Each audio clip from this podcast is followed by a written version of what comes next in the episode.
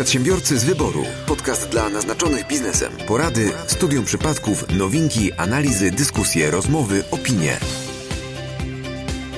Dzień dobry drodzy słuchacze, witamy w 12 odcinku podcastu Przedsiębiorcy z wyboru. Witają Was Przemek Kniarowski, Paweł Badura, Piotr Łysko, Mateusz Majk, Mariusz Malicki i Konrad Tułek. Jak już zauważyliście, w dzisiejszym odcinku zaprosiliśmy dwóch aż gości. To dość nietypowe, jak tutaj Mateusz mi podpowiada, dlatego że zakończył się rok szkolny, więc e, mamy możliwość goszczenia dwóch osób, e, które zdecydowanie obniżają naszą średnią wieku, ale to bardzo dobre, dobrze, bo to się zgadza z takim tematem e, dzisiejszego odcinka. Mariusz, Mariusz, a jakiż to temat?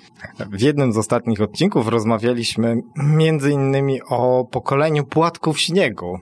E, I nie wiem, czy nasi dzisiejsi goście zdają sobie sprawę, że są reprezentantami tego pokolenia, ale właśnie tak jest i troszeczkę będziemy mówić właśnie o tym, jak e, wśród tego pokolenia e, jest z przedsiębiorczością. To patrząc na to, jaką mamy temperaturę w studiu, to nasi goście mogą się dzisiaj szybko roztopić. Czas oddać mikrofon pierwszemu z naszych gości. Możesz się przedstawić? To jeszcze raz się przedstawię. Nazywam się Przemek Pniakowski. E, generalnie jeszcze jestem studentem studiów dziennych, więc jest trochę tej takiej zabawy, powiedzmy, studenckiej. No ale niestety ten okres się kończy, więc już też muszę pracować, pracuję w kancelarii, a dodatkowo jeszcze zajmuję się w formie wolontariatu działalnością w organizacji studenckiej Forum Młodych Regionalnej Izby Gospodarczej, no gdzie też prowadzimy po prostu swoje własne projekty i jest w tym trochę, powiedzmy, takiej zabawy. Ja w imieniu Piotra, bo widziałem, jak mu tutaj się w oczach zabłyszczało. Czy to jest kancelaria adwokacka, czy radcowska? Jest to konsorcjum prawno-finansowe Vertus tutaj z Katowic. Ja byłem kiedyś w kancelarii Piotra, to ja wiem, co się w kancelarii może dziać. Ale mamy też drugiego gościa. Jestem fotografem koncertowym i kręcę też teledyski, ja robię jakieś sesje prywatne i siedzę bardzo w rapie. O, to Piotr, Piotr, to już ten błysk wokół był jeszcze większy niż odnośnie kancelarii.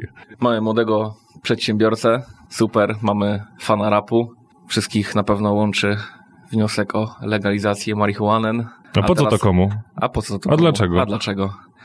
Wracając do poprzedniego odcinka, może tytułem uzupełnienia, bo faktycznie coś, co dla nas jest oczywiste, dla niektórych oczywiste może nie być. E, rozmawialiśmy o rekordowym zasiłku macierzyńskim i oczywiście chodzi o osoby, m, e, które pracowały na etacie. Jeśli chodzi o zasiłek macierzyński dla kobiet, które są w Polsce przedsiębiorcami, no to zaszła tutaj jak zwykle duża pomyłka, bo coś takiego praktycznie nie istnieje, albo istnieje tylko na papierze. Ale tutaj odniosę się do słów e, Winstona Churchilla ku pokrzepieniu serc wszystkim przedsiębiorców. Niektórzy ludzie mają przedsiębiorcę za drapieżnego wilka, którego powinno się zabić. Inni widzą w nim krowę, którą należy nieustannie doić, tylko niewielu rozpoznaje w nim konia, który ciągnie wóz. I z tymi zasiłkami również tak jest, bo klasycznie e, niestety znów to na barkach przedsiębiorców i również kobiet, przedsiębiorczyń, tak Pawle? Tak. Przedsiębiorczyń spoczywa ciężar e, dofinansowania wszelkich zasiłków i tak dalej, i tak dalej. Natomiast no tutaj oczywiście trzeba sobie powiedzieć wprost, że jeśli chodzi o e, no nie, ma, nie ma sprawiedliwości, jeśli chodzi o e, zasiłek macierzyński dla, dla przedsiębiorców, że on jest znacznie niższy, a, przede wszystkim niestety, jeżeli jakaś kobieta jest przedsiębiorcą, to e, przynajmniej z moich e, spostrzeżeń e, po prostu rzadziej decydują się na dziecko, jeżeli decydują się na karierę. W przypadku etatu jest to znacznie prostsze. Czy coś z tym trzeba zrobić? No klasycznie raczej nikt nie będzie spoglądał w stronę, stronę przedsiębiorczości. Dlatego tutaj tytułem uzupełnienia mówiąc o zasiłkach e, i rekordach, które padały w przypadku zasiłków, oczywiście mówiliśmy tylko i wyłącznie o osobach, które są na etacie. No to Piotr teraz płynnie zaczął nasz kącik newsowy dzisiejszy. Przedsiębiorcy z wyboru. Podcast dla naznaczonych biznesem. Myślę, że czas na przytoczenie um, pewnego newsa, a właściwie to jest komentarz do tego, co się działo jakiś czas temu na profilu LinkedInowym, tak to można odmienić? Rafała Brzoski. Mm, Rafał Brzoska dość często podróżuje na linii Warszawa-Kraków i gdzieś tam z, z tych podróży się pojawiają różne relacje. Osta- Samolotem oczywiście. Samolotem, tak, tak. Chociaż y, Pendolino podobno też. Czasami. Ale wyjaśnimy, Rafał Brzoska, E, Prezes Impostu, tak, tak. A zatem, e, ostatnio mu się samolocik e, z Krakowa do Warszawy spóźnił 3 godziny, no i swoją frustrację mm, poniekąd słusznie na LinkedInie wyłożył. No i tam wiadomo, jakaś taka burza wokół tego. Yy, Ja sobie przejrzałem komentarze w poszukiwaniu tego, czy ktoś z lotu to skomentował. No bo to takie dość e, powinno być intuicyjne, że w momencie, w którym no, ktoś hajtuje naszą firmę, no to rzecznik, osoba obsługująca nasze, nasze social media się odnosi. No niestety odniósł się jakiś inny pracownik chyba. Pan Marcin, chyba pracujący w IT, bo tak patrzę sobie po stanowisku w, w locie. Zamiast przeprosić za, za opóźnienie, czyli zrobienie tego, czego właściwie obsługa na lotnisku nie zrobiła, e, uderzył w to od drugiej strony i zaczął hajtować Inpo za to, że opóźniła im się e, umowa. Na co reakcja e, właśnie Rafała Brzoski e, błyskawicznie. Podaj mi pan numer przesyłki, od razu wyjaśniam sprawę i przepraszam za zaistniałą sytuację. No to fajnie, że słuchajcie, w locie e, działaniami PR-owymi zajmują się specjaliści z IT. A wiecie, czym się różni programista intrawertyk od programisty ekstrawertyka? Tym, że jak z tobą rozmawia programista intrawertyk, to patrzy na swoje buta, a ekstrawertyk na twoje. Więc jeśli tego typu intrawertycy faktycznie zaczynają tłumaczyć, y, to może wy, wy, wyjść źle. Nie, ten ewidentnie patrzył na cudze buty, jak to pisał. Tak mi się wydaje, taki odważniejszy. Tak. Mhm.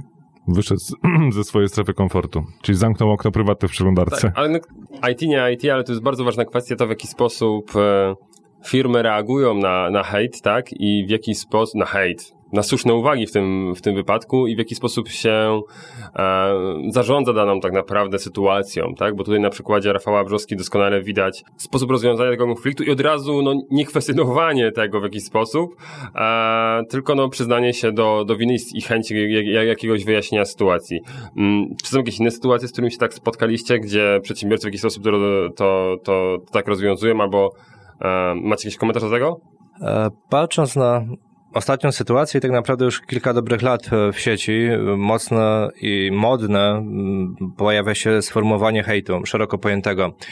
I wydaje mi się, że troszeczkę przekroczyliśmy tą e, granicę absurdu, ponieważ każda krytyka i każda nawet ta konstruktywna krytyka jest odbierana przez pryzmat hejtu, tak? I pytanie, czy to jest hejt? Ja bym to odebrał przez, ja- jako feedback, informację zwrotną dla przedsiębiorcy, co tutaj jeszcze może on poprawić, na co zwracają uwagę jego klienci, żeby firma była konkurencyjna, żeby firma się rozwijała. No i drodzy przedsiębiorcy, mówi to przedsiębiorca, tego typu informacje są dla Was najcenniejsze tak naprawdę z punktu widzenia przedsiębiorcy, ponieważ tylko one pozwalają rozwijać firmę, ponieważ dostajecie bezpłatnie informację zwrotną. Oczywiście, jeżeli ktoś Was krytykuje i nie ma do tego podstaw, e, jest to konkurencja, jest to hejt, który w żaden sposób z niego nie, nie da się wyciągnąć żadnej informacji zwrotnej, to to jest hejt. Ale to, to moim zdaniem jest typowo informacja zwrotna. Dokładnie tak, to, ja tak samo podchodzę do tematu. Jeśli ktoś mnie, że tak powiem, źle obsłuży pod względem e, konkretnego biznesu, też daje informację zwrotną i Niektóre osoby się burzą i, i też ja czasami główną burzę wywołuję w internecie, ale tylko i wyłącznie dlatego, że zależy mi, żeby ta druga firma jednak dostała informację zwrotną. No i właśnie, ja e, w ostatnim odcinku porównywałem Mateusza do Rafała Brzoski właśnie ze względu na tą sytuację, bo już, już wtedy e, Rafał Brzoska pisał o locie, a Mateusz wtedy pisał o Orlenie na swoim profilu. No to właśnie. E, O Orlenie, o locie, czyli mamy i tu, i tu państwową spółkę. E, Mateusz, czy Orlen się jakoś odniósł do tego, co tam im pisałeś? Nie, a ich specjalnie podlinkowałem, żeby wyłapali tą informację. Nie wiem, cisza. Także nawet bez monitoringu internetu mogliby sobie z tym poradzić. Przeczekali to. No i tutaj podobnie. Ale Mateusz, zgadzam się w 100% z tym, co powiedziałeś, bo faktycznie mam takie wrażenie, że kiedyś można było jechać po kimś jak po łysej kobyle i wszystko było ok, a od kiedy stał się e, ha, łysej, dokładnie tak, Mariusz.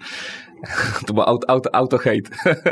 e, natomiast od pewnego czasu, jak stał się popularny e, w ogóle mm, hate jako, jako sformułowanie, jako definicja, tak, no ona została tak szeroko e, już mm, wytłumaczona, czy, czy, czy praktykowana, że wszystkie, wszystkie negatywne komentarze są po prostu hejtem, ale przypomniała mi się sytuacja Western Airlines, Southwest, nie, Southwest Airlines w Stanach, miało problem z jednym pasażerem. Nic mu się nie podobało. Nic.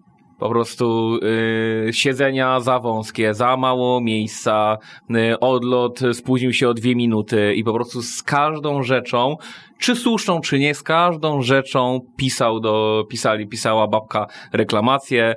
E, dajmy na to, nazywa się Anna Smith, bo nie pamiętam jak ona się nazywała, za, załóżmy, że Anna Smith na przykład. No i pisała, że to, że tamto, tu reklamacja, tam reklamacja.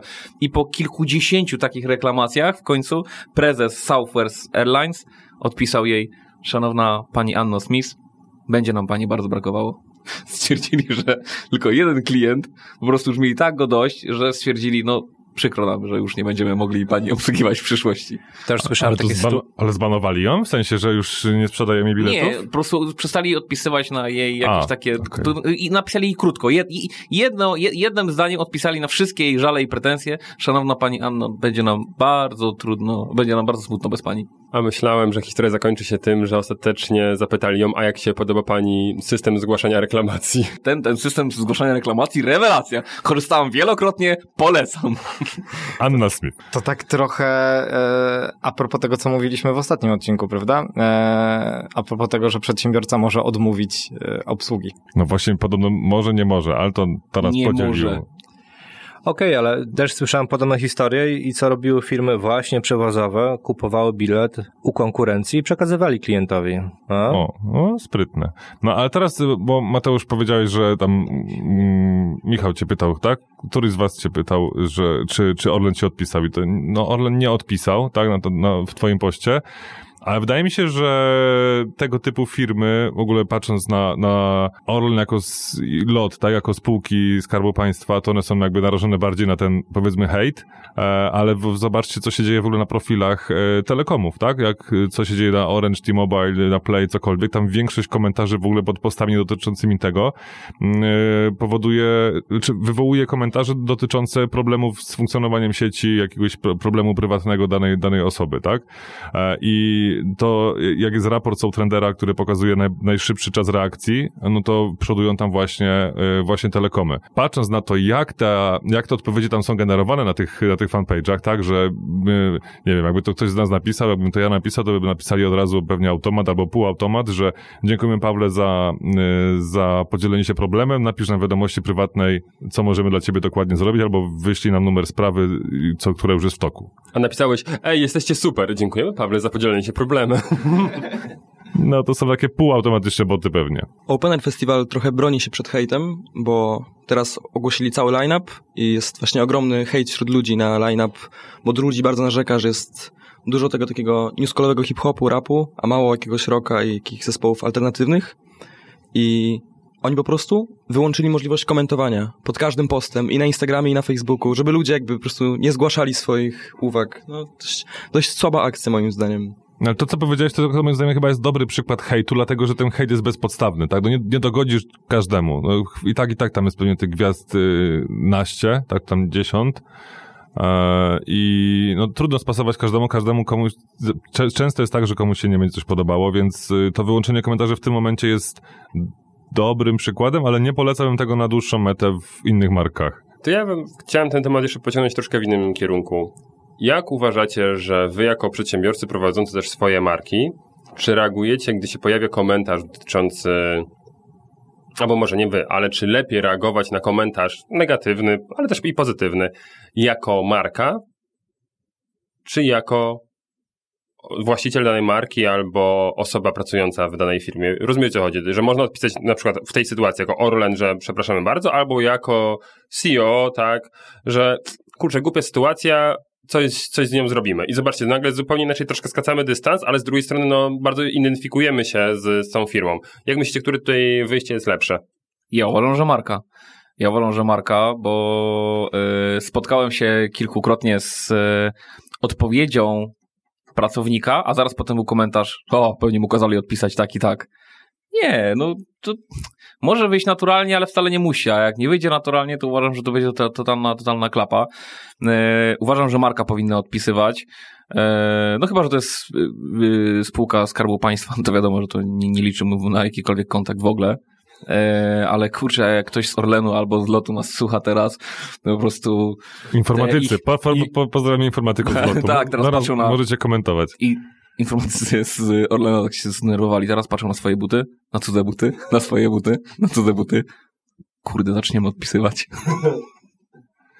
Najpierw odpiszmy Mateuszowi. Stary, po tym odcinku, jak dostaniesz odpowiedzi, przeprosiny, darmowe kupony na hot dogi, chłopie, to się nie wyjesz do końca życia.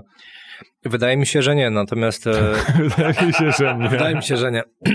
Patrząc na e, te komentarze pod moim postem, to co, co dziwne i wydaje mi się, że tutaj marka zrobiła w miarę dobrze.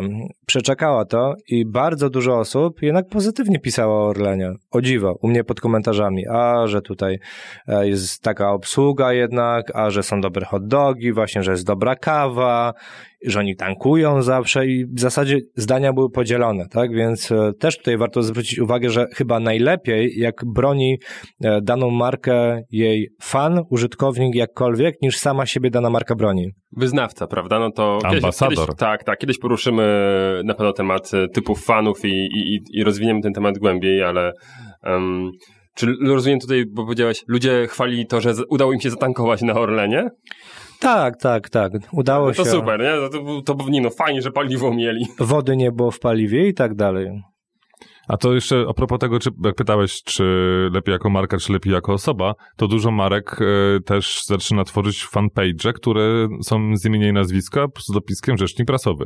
I wtedy to jest jakby najbardziej, można się jakby poczuć, e, że personalnie ktoś nam odpowiada, możemy personalnie komuś potem z nim podyskutować, a nie z którąś tam kolejną osobą teoretycznie na, na dyżurze, w pełniącej właśnie dyżury w, w odpowiedzi na, na obsługującej social media. A Więc y, to jest jedno z lepszych rozwiązań, ale to tylko przy dużych firmach, tak? Bo jeśli e, komuś z, z naszych małych tam mikroprzedsiębiorców się zdarzy, no to, to ja również przeważnie odpisuję jako z profilu firmowego. Natomiast raz nam się zdarzyło, że dostaliśmy jedną gwiazdkę e, w- recenzji na, na Facebooku od osoby, która u nas nie, nie zamówiła nic, więc ona była bez komentarza, więc gwiazdki bez komentarza, opinię bez komentarza można, e, można było usuwać, e, zgłaszać do Facebooka, natomiast też po, od razu odpisaliśmy, że dziękujemy e, za tak obszerną opinię i mimo wszystko zachęcamy do skorzystania najpierw z naszych usług, a potem wystawienia recenzji. Przedsiębiorcy z wyboru. Podcast dla naznaczonych biznesem. Mateusz, co co nie napisałeś na Facebooku o Orlenie? No jak to co, że nie przyjmują online'owej karty rabatowej na tankowanie?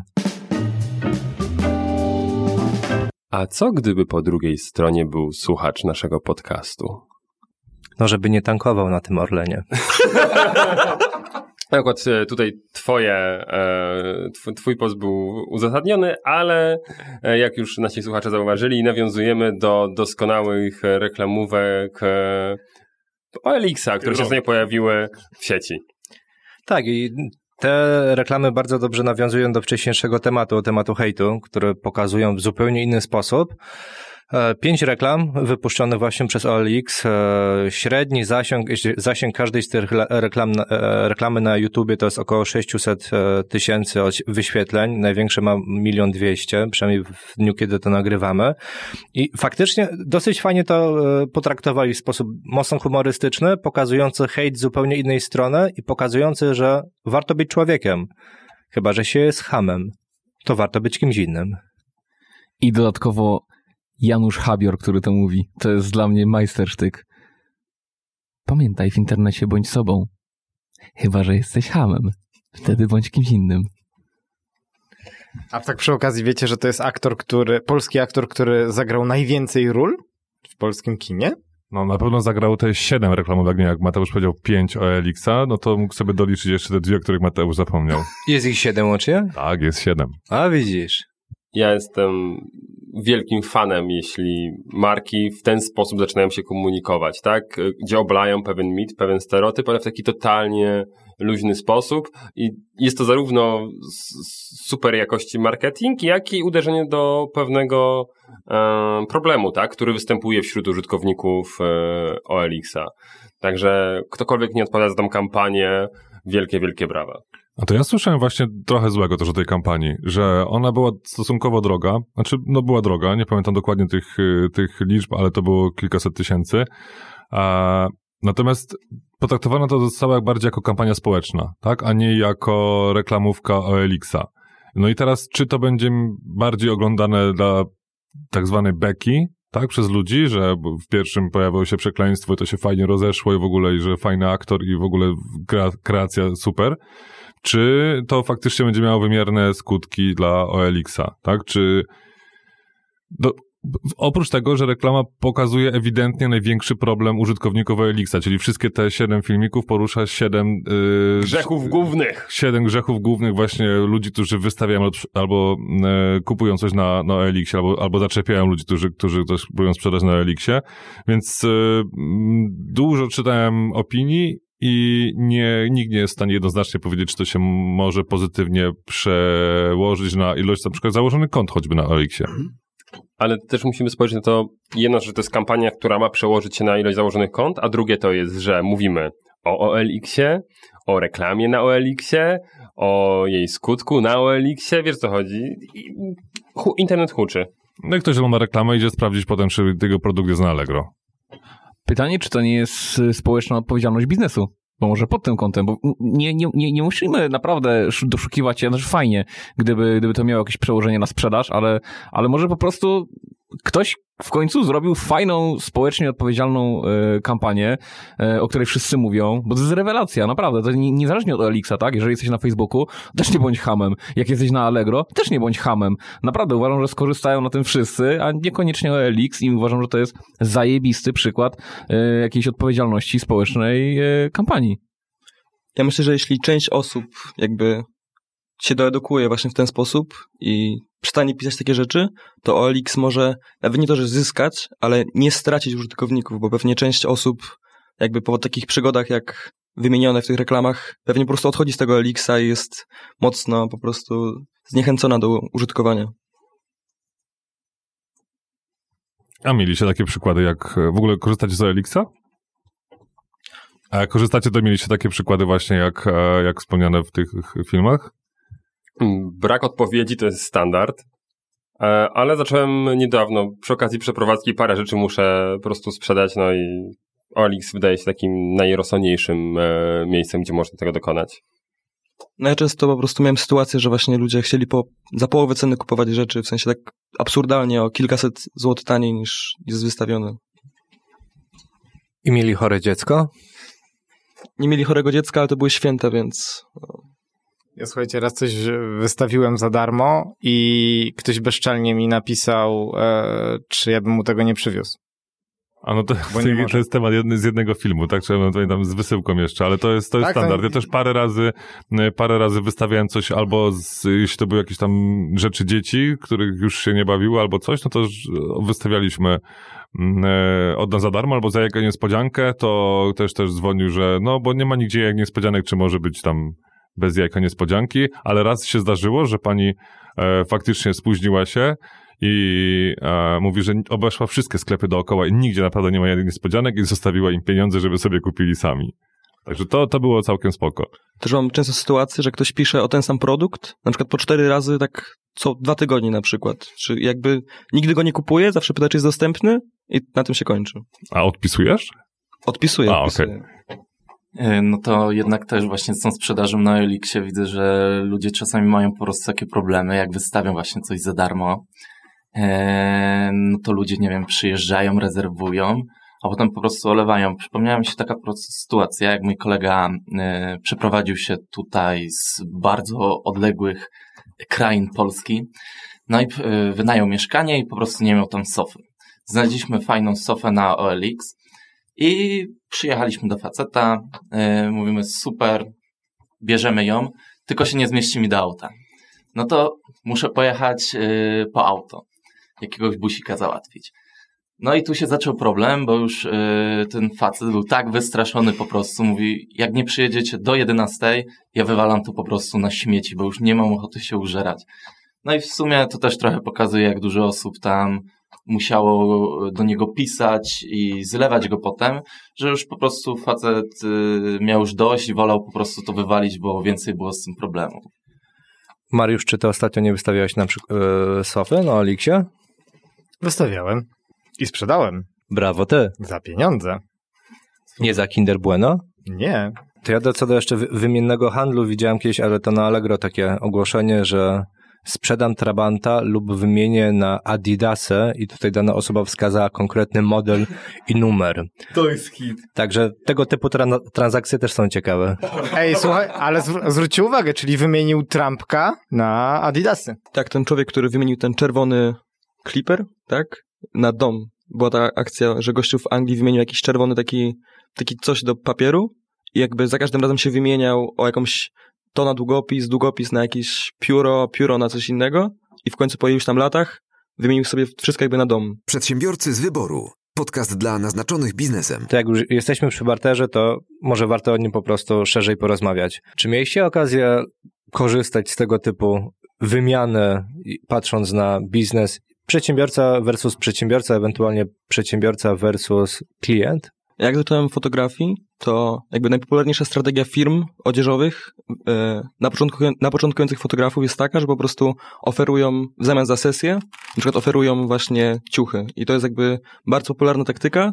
Jakby to jest dobra taktyka dla obu stron, no bo wiadomo, że jak ktoś zaczyna fotografię, to i tak się cieszy z ciuchów i tak jest fajnie, że może zaistnieć na tej stronie, no jednak zawsze coś w zamian. I jakby nie jest to robienie za darmo po prostu i dojenie tego fotografa. No i jakby pozytywna taktyka, no. Słyszałeś, yy, Przemku? Za sesję oferują ciuchy. Masz jeszcze do zdania, więc wiesz, pójdź na studia i powiedz jej, nie chcę sesji, chcę ciuchy.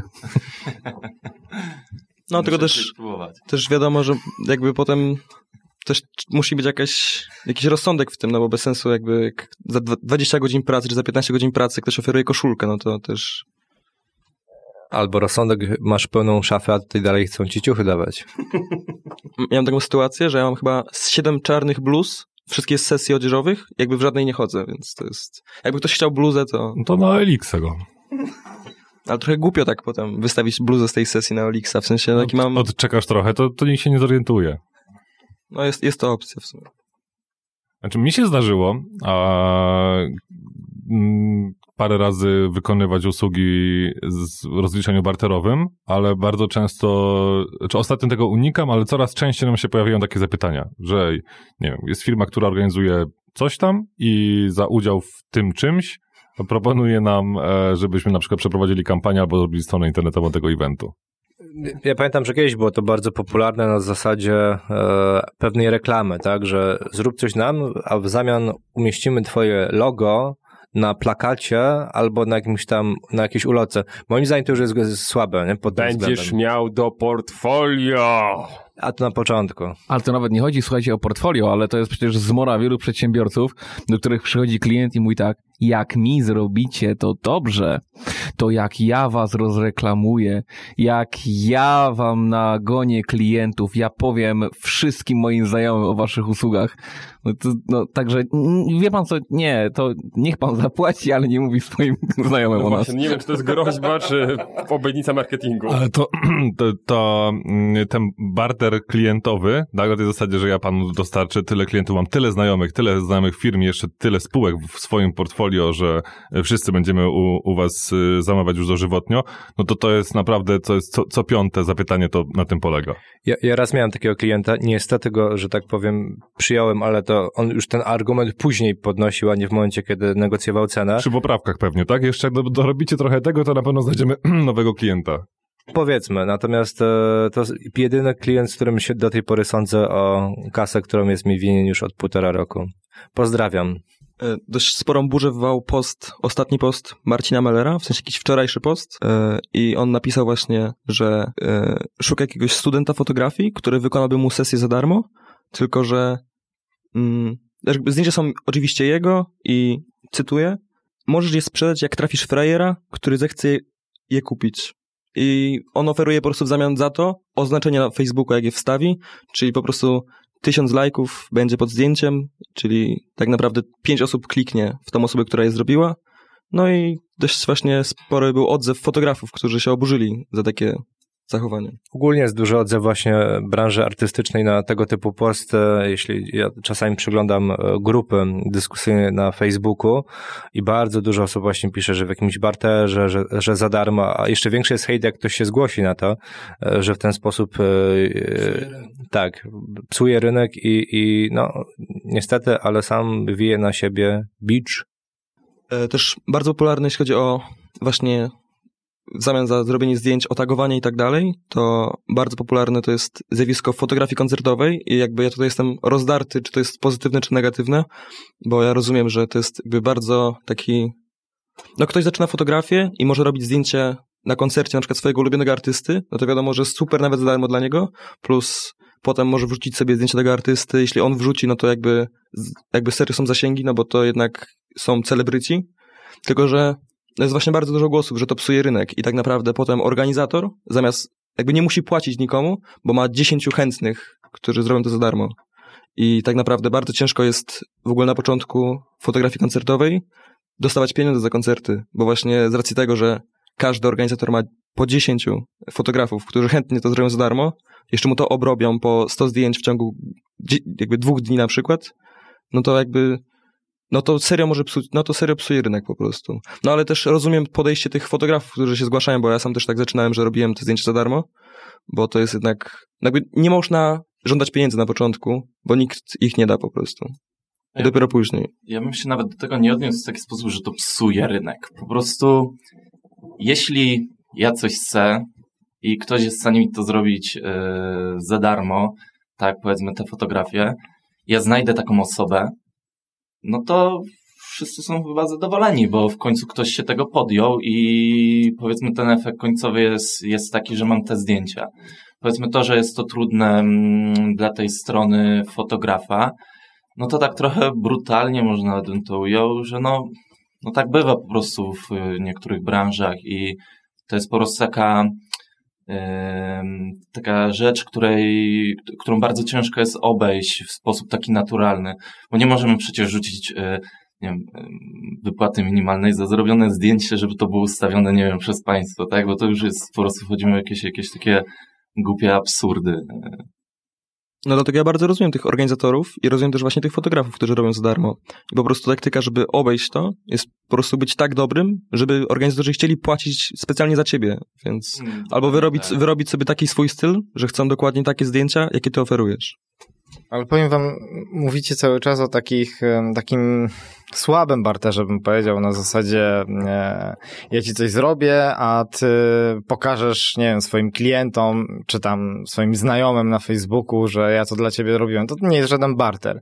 Natomiast ja bardzo często na swoich szkoleniach dla takich świeżych przedsiębiorców mówię, że to jest pewnego rodzaju strategia na brak kasy na samym początku, żeby dogadywać się z innymi firmami na usługi barterowe, ale mówię o porządnych usługach barterowych, na zasadzie takiej, że na przykład mam firmę, która która robi strony internetowe, mogę komuś za darmo zrobić stronę internetową, a w zamian dostać e, też jakąś porządną usługę. Ja na przykład tak zaczynałem. Jak, jak za usługę, to nie za darmo.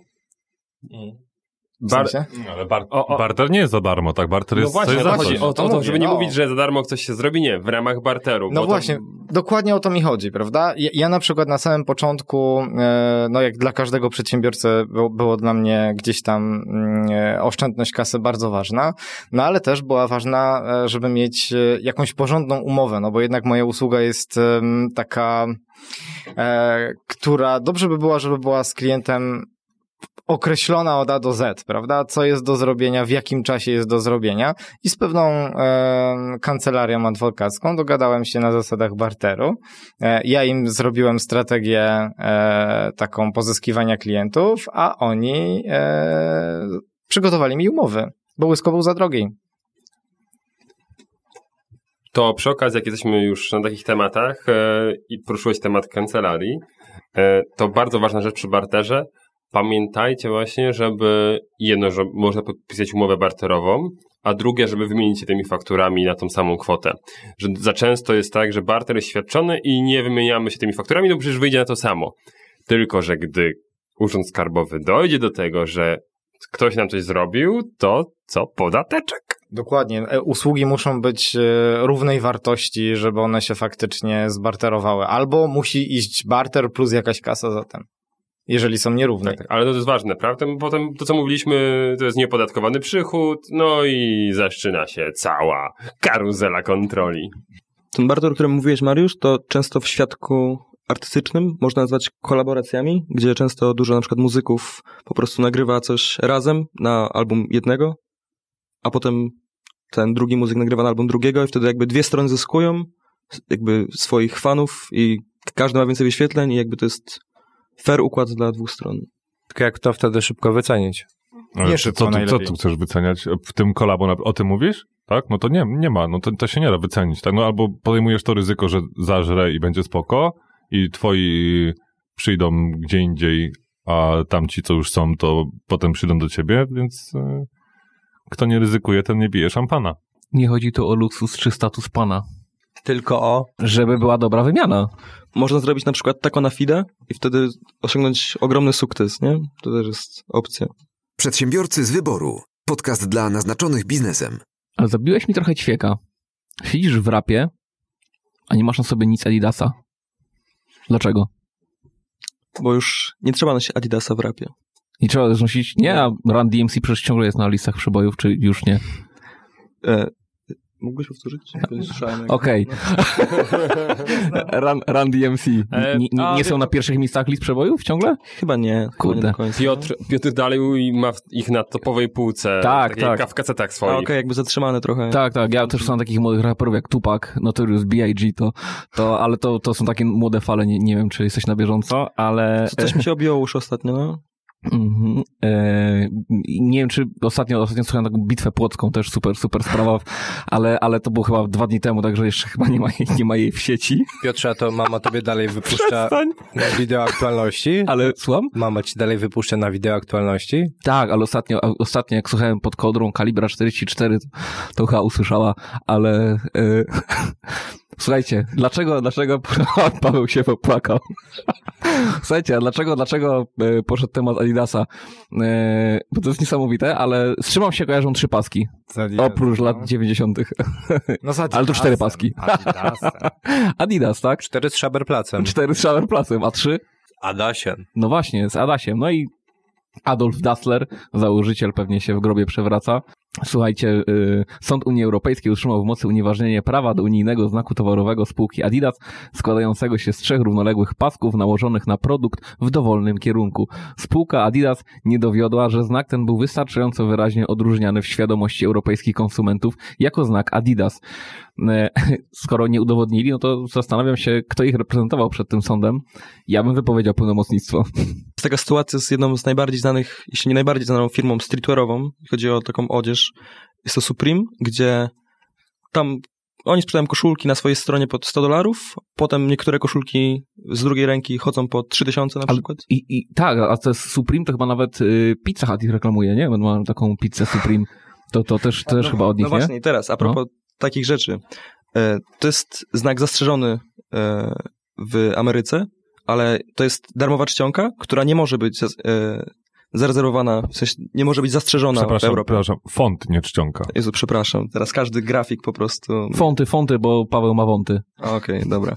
E, I w Europie słowo Supreme nie może być zastrzeżone, bo właśnie jest darmowym fontem napisane i no można robić po prostu legalnie podróbki Supreme w Europie. Nie, nie. w życiu!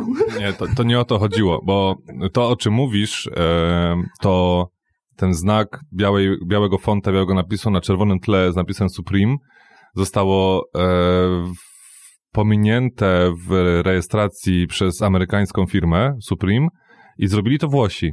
I Włosi sobie zrobili Supreme z tym Mhm. samym logo i zrobili to, e, to się nazywa Supreme. Supreme Italia. e, Europe chyba było. To, to, Supreme Italia. Italia, okej. I ta sprawa generalnie by nie wyciekła, gdyby nie europejski oddział Samsunga e, ogłosił współpracę z marką Supreme. I nagle wszyscy w Japonii, w Stanach Zjednoczonych mówili, ej, hello, my z wami nie podpisaliśmy żadnego kontraktu. No i się wtedy okazało właśnie, że w Europie podpisali umowę o współpracę z, z tą włoską firmą.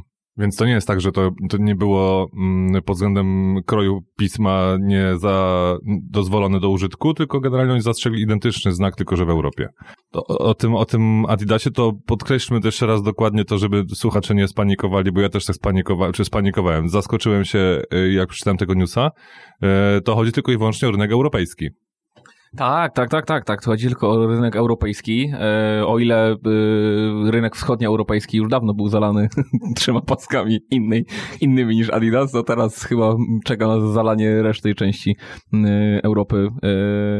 Tutaj stadion dziesięciolecia to ten wyrok wykonał już lata temu na Adidasie, a teraz będą wykonywać to inne kraje. Ale to w takim razie będzie ten Adi Hash, tak? Czyli w, w Europie będą tylko Adidas Originals. E, No jeszcze Adiodis Adonis. i wiele innych marek. Trochę w tym temacie e, jest bardzo ciekawa sprawa, jeśli chodzi o sklepy, które sprzedają podróbki. I jest najbardziej znany sklep, który sprzedaje podróbki właśnie wszystkich ciuchów i Adidasa też. OLX. Nie, nie, nie.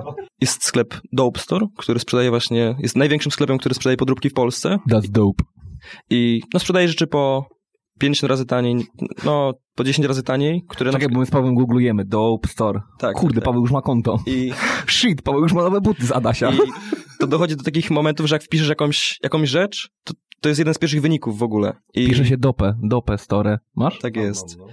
I co ciekawe, dużo razy tam on był zgłaszany właśnie ze sprzedawaniem podróbek i tak dalej i po, jakby ciężko jest cokolwiek z tym zrobić, bo oni na magazynach nic nie mają i po prostu oni wysyłają te rzeczy z Chin. Jak zamówisz coś, oni znajdują to na AliExpress i wysyłają do ciebie po prostu na twój adres. Łysy, a to nie był przypadkiem ten sklep, gdzie nam podsyłałeś linka, że jakaś super promocja z e, nam buta Adidasa? To na pewno był ten sklep. Poczekaj, poczekaj, bo mamy... O, shit. No ładnie, mamy już bluzę Supreme. Eee, są buty Jeezy. nice. Nie, super. Widzicie, w Warszawie się zabijają ludzie w kolejkach, nie po te buty. No i tam masz na przykład totalnie limitowane rzeczy, które wyszły w jakichś małych ilościach. Tam masz dostępne w każdym rozmiarze, 20 razy taniej na przykład, nie? I są te rzeczy, które nie istnieją w ogóle, to jest najlepsze. No dobra, no to teraz patrząc na to, że to jest tak popularne i dostępne tutaj, to jaki jest sens teraz, o, żeby tą bluzę kupić faktycznie za te, nie wiem, 3000 dolarów w, w, w, w rynku wtórnym po jakimś dropie? Ale Paweł, y, bo teraz, no to przecież to chodzi o ten storytelling, tak? Bo to jest to samo, co na przykład, nie wiem, masz y, jakieś podróby Louis Vuitton, no to idziesz, nie wiem, na jakiś targ, kupujesz torebkę Louis Vuitton, no i okej, nawet jeżeli nikt nie zwróci na to uwagi, no to, to chodzi o ciebie i twoją świadomość, tak? A potem jedziesz do Francji, idziesz, nie wiem, po, pa, w Paryżu wchodzisz do butika Louis Vuitton, kupujesz tą torebkę. Stary, to chodzi o ciebie, a nie o innych. No, jeżeli dobrze ci jest, wiesz, w, w ciuchach z Dope Store, czy, czy ze Stadionu Dziesięciolecia, który już nie istnieje, bo tam jest teraz Stadion Narodowy, ale mówię w Stadion Dziesięciolecia, mentalnie w cudzysłowie oczywiście, e, no to, to jest okej, no. To, to tylko chodzi o ciebie, Paweł. Ale społeczność streetwearowa właśnie tej mody by cię totalnie zjadła w tym momencie. No bo to też jakby kupujesz sobie drogie ciuchy. Albo tylko- wciągnęła nosem. No, może, może też by cię wciągnąć nosem. Kupujesz sobie rzecz, która wygląda jakby była droga, tylko to jest podróbka kupiona 20 razy taniej. No i jakby to jest odbierane jako taki szpanowanie czymś, czego jakby nie masz, nie? Że po prostu udajesz, że chodzisz w Louis Vuitton, mimo że nie masz tego Louis Vuitton. I byłoby jak w naszej podstawce, poka metkę. Poka, poka, poka metkę. Tak, tak było, tak było. Nie, ale to nie o to mi chodzi, że ja bym się na przykład z tym, ja, ja bym się z tym źle czuł, tylko mówię tak ogólnie, tak? Y, Po, po, pod tym kątem i generalnie mm, chodzenie w ogóle w tego typu markach dla mnie trochę pomału w pewnych środowiskach może stawać się obciachem, bo jest duże ryzyko, że to jest jednak coś, co było z Dope Store, a nie z y, kolejki w Tokio y, z oficjalnego sklepu Supreme. Ewentualnie z targu w Turcji. You touch, you buy. To jest często bardzo widać po prostu różnice w jakości, no i niektóre e, podróbki są tak źle zrobione, że no jakby no, masz poprzestawione litery w, w słowach i to jest też śmieszne. No ale też właśnie chodzi o to, jak, jak ty się z tym czujesz i no jakby no głupio chyba mieć na sobie coś podrobionego, jeśli wiesz, że to jest podrobione, bo problem jest wtedy, kiedy nie wiesz, że coś jest podrobione. No właśnie, dlatego jak gdzieś się nie wiesz, to o tym mówię, o tym ryzyku, y, że faktycznie kupisz to ze świadomością, że to jest na legalu, że to jest z tego rynku wtórnego, który tak jest duży przy tych streetwearach, e, a jest wtedy duża szansa, pewnie oszustów jest multum, którzy sprzedają za horrendalne pieniądze porównywalne z tymi legalnymi y, rzeczy, które nie są, e, nie są z oficjalnego kanału dystrybucji. To prawda, ale coraz więcej rzeczy akurat, y, coraz więcej stron posiada teraz taką jakby wstępną weryfikację, czyli dużo jest po takich portali, gdzie najpierw ludzie... Wysyłasz zdjęcie z kolejki z karimatą, a potem, potem do, dołączysz to zdjęcie do, do, do produktu. Prawie. y, No masz jakby portale, które ci gwarantują, że to jest oryginalne, a jeśli ty dojdziesz do tego, że nie jest, no bo jest pełno ludzi, którzy się na tym znają, wysyłasz zdjęcie każdej metki i tak dalej, to po prostu masz zwrot pieniędzy. I są też w Polsce, to jest bardzo popularna rzecz, są grupki właśnie streetwearowe, gdzie tam jest na przykład 120 tysięcy ludzi na grupce na Facebooku i jakby ta społeczność jest taka bardzo, bardzo mocna i jak ktoś już tam jest i w tym siedzi, to bardzo nie chce z tego wyjść. W sensie, jak ktoś już raz coś sprzedał albo sprzedaje, no to wykluczenie na przykład z grupki to jest dla niego no, bardzo słaba rzecz i właśnie to jest bardzo egzekwowane, czy ktoś sprzedaje właśnie podrobione rzeczy. Jeśli sprzedaje, no oprócz tego, że jakiś tam na policję i tak dalej, to właśnie jest wykluczony z tych wszystkich grupek i dla niego to jest jakby no koniec po prostu biznesu, nie? I to działa bardzo sprawnie. To ja wam powiem mega anegdotkę. Kiedyś do naszego biura, do naszej agencji reklamowej przyszła osoba z ubraniem. E, nie pamiętam jakie to było marki, ale udowodnił z paragonem, że to jest oryginalne, ale on nie ma czasu, żeby to naprawić i żeby, czy jesteśmy w stanie mu dohaftować logo tego w pewnym miejscu, gdzie akurat dany egzemplarz nie miał tego logo, a on mówi no, na legalu wszystko i tak dalej, a nie jest w stanie wymienić, a potrzebuje to dosyć szybko. Nie podjęliśmy się oczywiście, bo to jest e, chyba prawnie w ogóle uregulowane, że nie może tego typu rzeczy robić. Natomiast e, sądzę, że ta osoba znalazła inną firmę, która znalazła szwalnię, która to m, wyhaftowała, więc e, sam fakt haftowania znaków zastrzeżonych przez firmy jest dość po, po, popularny i powszechny. Hmm, Wydaje mi się, że ta osoba dała strasznie ciała, bo taki e, wybrakowany egzemplarz mógłby osiągnąć za jakiś czas gigantyczne kwoty za niego mogłyby pójść, bo jedyny, gdzie się nie udało wyhaftować tego logo w tym miejscu. To prawda, właśnie często z Supreme jest taka sytuacja, że na przykład logo jest odwrócone albo krzywe, no i też są trzy razy droższe niż, niż normalnie, więc no. Ja, ja, ja na miejscu tego Supreme to chyba faktycznie, nie wiem, raz na jednego dropa 30 sztuk robił krzywo, żeby potem jeszcze większy hype był na tą, na tą markę. No jak zrobić 30 sztuk, to już, już nie jest aż tak, nie? Bo to jest na przykład raz na kilkaset sztuk, czy tam no, kilka tysięcy. No dobra, no to, na, kilkadziesiąt tysięcy. No. no to na kilkadziesiąt tysięcy 30 sztuk, to i tak by było spoko. Wystarczy, żeby podtrzymać tą e, atmosferę gorącą. Pamiętajcie, że to działa tylko w ciuchach, czyli jak, e, nie wiem, Piotrek zawaliłby swoją robotę i przegrał sprawę, to pewnie nie mógłby za nią dwa razy więcej wziąć. Ciężko mi się odnieść, że ni- ni- nigdy nie przegrałem. Ale e, teoretycznie. nie, nie, ale masz, ale masz nie, no, usług, no albo w ogóle usługi, tak? No usługi, no jak usługi są źle zrobione, to są źle zrobione, nie? A także to w ogóle się rządzi zu, zu, zupełnie innymi, innymi prawami niż, niż towary. I masz rację, pewnie, że tak. No, Nie, nie, ma, nie ma takiej opcji. Szkoda, no ale, ale nie ma takiej opcji. No ale, ale znowu na przykład za źle wykonaną robotę zapłatę zawsze dostają państwowe spółki. na przykład wiesz, lot, no bo jakby źle nie poleciał, to i tak będziesz musiał mu zapłacić. Chociaż nie akurat, znowu, jeśli chodzi o rynek y, samolotów, no to, to, to dzięki rozporządzeniu Unii Europejskiej akurat y, y, są poważne odszkodowania za, za źle wykonaną usługę, no ale każdy inny, no nie wiem, jak masz telefon, albo połowa Polski miała swego czasu telefon Stepsy, i on nie działał, bo nie wiem, bo coś się stało, to co płaciłeś mniejsze rachunki, no nie płaciłeś mniejszych rachunków, płaciłeś takie same. No i wiesz, no nie wiem, jak, jak pociąg, no kiedy ostatnio jechałeś pociągiem i wszystko było zgodnie z planem? No, nie pamiętam, ja szczerze mówiąc nie pamiętam. Y, W niedzielę. No tak, ale co, na, jechałeś na trasie, na trasie? Dąbrowa Górnicza, Sosnowiec, dwa przystanki, koleje lokalne? Nie wiem, do Katowic. No to wiesz, ale ja mówię takiej trasie typu więcej niż Okej. jechać za aglomerację. Piotrze, a kiedy to sobie jechałeś pociągiem? Kiedy ostatnio jechałem pociągiem?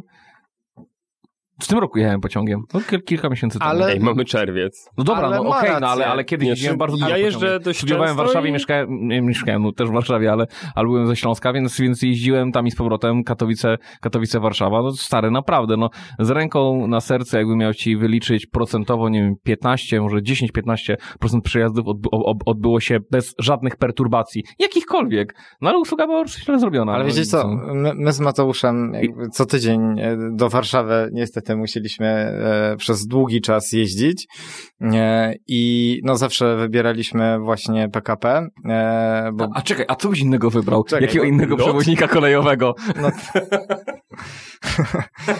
szukałem, szukałem, no i niestety wypadło na Ale PKP. ś- śmiejmy się, śmiejmy z tym lotem, że można było wybrać. Jakiś czas temu sprawdzałem, że jak się zarezerwuje z odpowiednim wyprzedzeniem, to połączenie Kraków-Warszawa, czy nie wiem, czy teraz dalej funkcjonuje Katowice-Warszawa, potrafiło być w cenie Pendolino. Ale umówmy się, z centrum Katowic do Pyrzowic dojechać to jest jednak trochę czasu, nie? No właśnie. Zresztą e, case, o którym chcę powiedzieć, to e, to, że często się zdarzają opóźnienia, to jest, to jest jakby norma. Natomiast e, dwa czy trzy razy nam się zdarzyła sytuacja, w której kupiliśmy bilety na Pendolino, a podjechał zwykły ekspres. E, nie Pendolino e, i były takie karteczki e, wydrukowane, Pendolino? że, Pendolino. że, nie, że jak chcesz, e, to możesz uzyskać e, zwrot, natomiast no, wiecie, to takie trochę postawienie przy, przed faktem dokonanym. Te bilety nie są dużo tańsze, bo one kosztują, Pendolino kosztuje 150 zł do Warszawy, a taki ekspres 139 zł. No ale jednak, wiecie, no kupujesz pewien komfort, dostajesz coś innego, nie? Ale czasowo się zgadzał y, pociąg. On tam. Idealnie się zgadzał czasowo. No, tak, no ale, no ale mimo wszystko ko- komfort jest dużo niższy, no i policz sobie tam te ileś złotych różnicy razy x pasażerów, które jest i które ten temat odpuściły, no to jest jednak e, zysk dla przewoźnika. To jest jakby jedna kwestia, Opodatkują go. a to pytanie do fiskusa. Nie, nie, nie, lepiej nie pytać. Już ustaliliśmy w ostatnim odcinku, nie pytaj. Wycofuję się. A druga kwestia to temat reklamacji. Kurczę, jakie to jest dziwne. Ten proces jest tak Do dziwny. diaska. Motyla noga, jakie to jest dziwne. powiem wam, źle coś za, zarezerwowałem, stwierdziłem, że sobie przebukuję bilet. Nie dało się. Trzeba było iść do obsługi klienta, napisać podanie ręcznie, zostawić w okienku Ja znam ten ból, bo też raz to robiłem, yy, ale nie skończyłem. I trzy tygodnie czekać na rozpatrzenie, albo pozytywnie, albo negatywnie. Na szczęście to rozpatrzenie już przychodzi drogą mailową i jeśli tego maila podasz, bo jak nie, to ci w telegrafie wyślą. Dobrze, że nie podają maila, że możesz odebrać w okienku decyzję. A czy wy też macie takie niemiłe skojarzenia z dworcem w Warszawie? Bo ja zawsze jak jeżdżę z Warszawy na przykład do Katowic, to no tak w połowie przypadków zdarza się, że nagle 5 minut przed odjazdem jest nagle zmiana peronu na przykład i 30 ludzi nagle biegnie 30, panicznie. 300. No dobra, może 300. No. Nie, nie, ale to jest, to jest e, fakt, że inne dworce zazwyczaj wiem, gdzie muszę sobie stanąć i nie ma z tym problemu. A w Warszawie tak niby jestem pod tym dobrym numerkiem, patrzę, no chyba się wyświetla właściwy pociąg, ale ta adrenalina do ostatniej chwili zostaje, bo jednak widzę, ej, ludzie biegną obok, czemu oni biegną? A w ogóle te pociągi są jakby informacja, z którego peronu jest przekazywana jakoś 10 minut wcześniej, czy 5 minut wcześniej. Dlatego ja stoję przy tablicy, e, w, w obrębie tablicy, gdzie pojawiają się perony, do momentu krytycznego, Odjazdu. kryty, krytycznego, tak, na tej zasadzie. Paweł na wszelki wypadek zostawia jakąś część garderoby na każdym peronie. Potem biega i wszystko zbiera, jak już wie w którym. A, to już wiem, kto tak biegał. I 300 osób to robi i potem... Ale ja mam y, wbrew y, opinii waszej i powszechnej bardzo dobre skojarzenia z PKP i Ja też. naprawdę bardzo sporadycznie y, i to spowodowane bardziej przez jakieś zdarzenia losowe typu wypadki i tak dalej były te, te opóźnienia powodowane, ale na przykład na chyba najdłuższej trasie e, Pendolino Bielsko-Gdynia, czyli wsiadałem w Katowicach, wysiadałem w Gdyni, a naprawdę było co do minuty na każdej stacji. I jeszcze było tak, że niekiedy za wcześnie i jeszcze staliśmy dłużej, żeby, żeby y, odjechać o czasie. My, my w tym tygodniu A wracaliśmy to był, o, poczekaj, bo, bo to był dzienny czy nocny pociąg? Dzienny. dzienny z kuszetką. E, co do pytań dzienne, nocne to już się wycofuję, natomiast e, jechaliśmy z bardzo fajnym pasażerem, e, wracając z Warszawy. W kuszetce? Poza, poza. Wszystko się działo poza. Cała historia się dzieje w wagonie takim tradycyjnym, w przedziale. Facet był na tyle zdeterminowany, że opowiadał każdorazowo, jak jechał e, pociągiem, średnią prędkość pociągu. On miał specjalną aplikację, która to wszystko liczyła.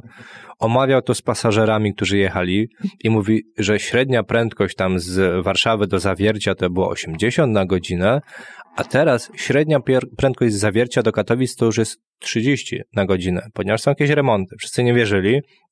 No i tam pokazywał tą swoją aplikację, jakieś dziwne wykresy. Powiem wam, pierwszy raz taką sytuację z taką sytuacją się spotkałem, a później były, były kalambury. Rzucał hasło, nazwa pociągu i- zgadnij, gdzie on jedzie.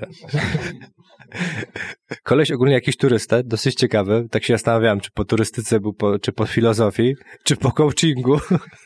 Albo po narkotykach. Nie zagłębialiśmy tego tematu. Na jedno wychodzi, na jedno wychodzi.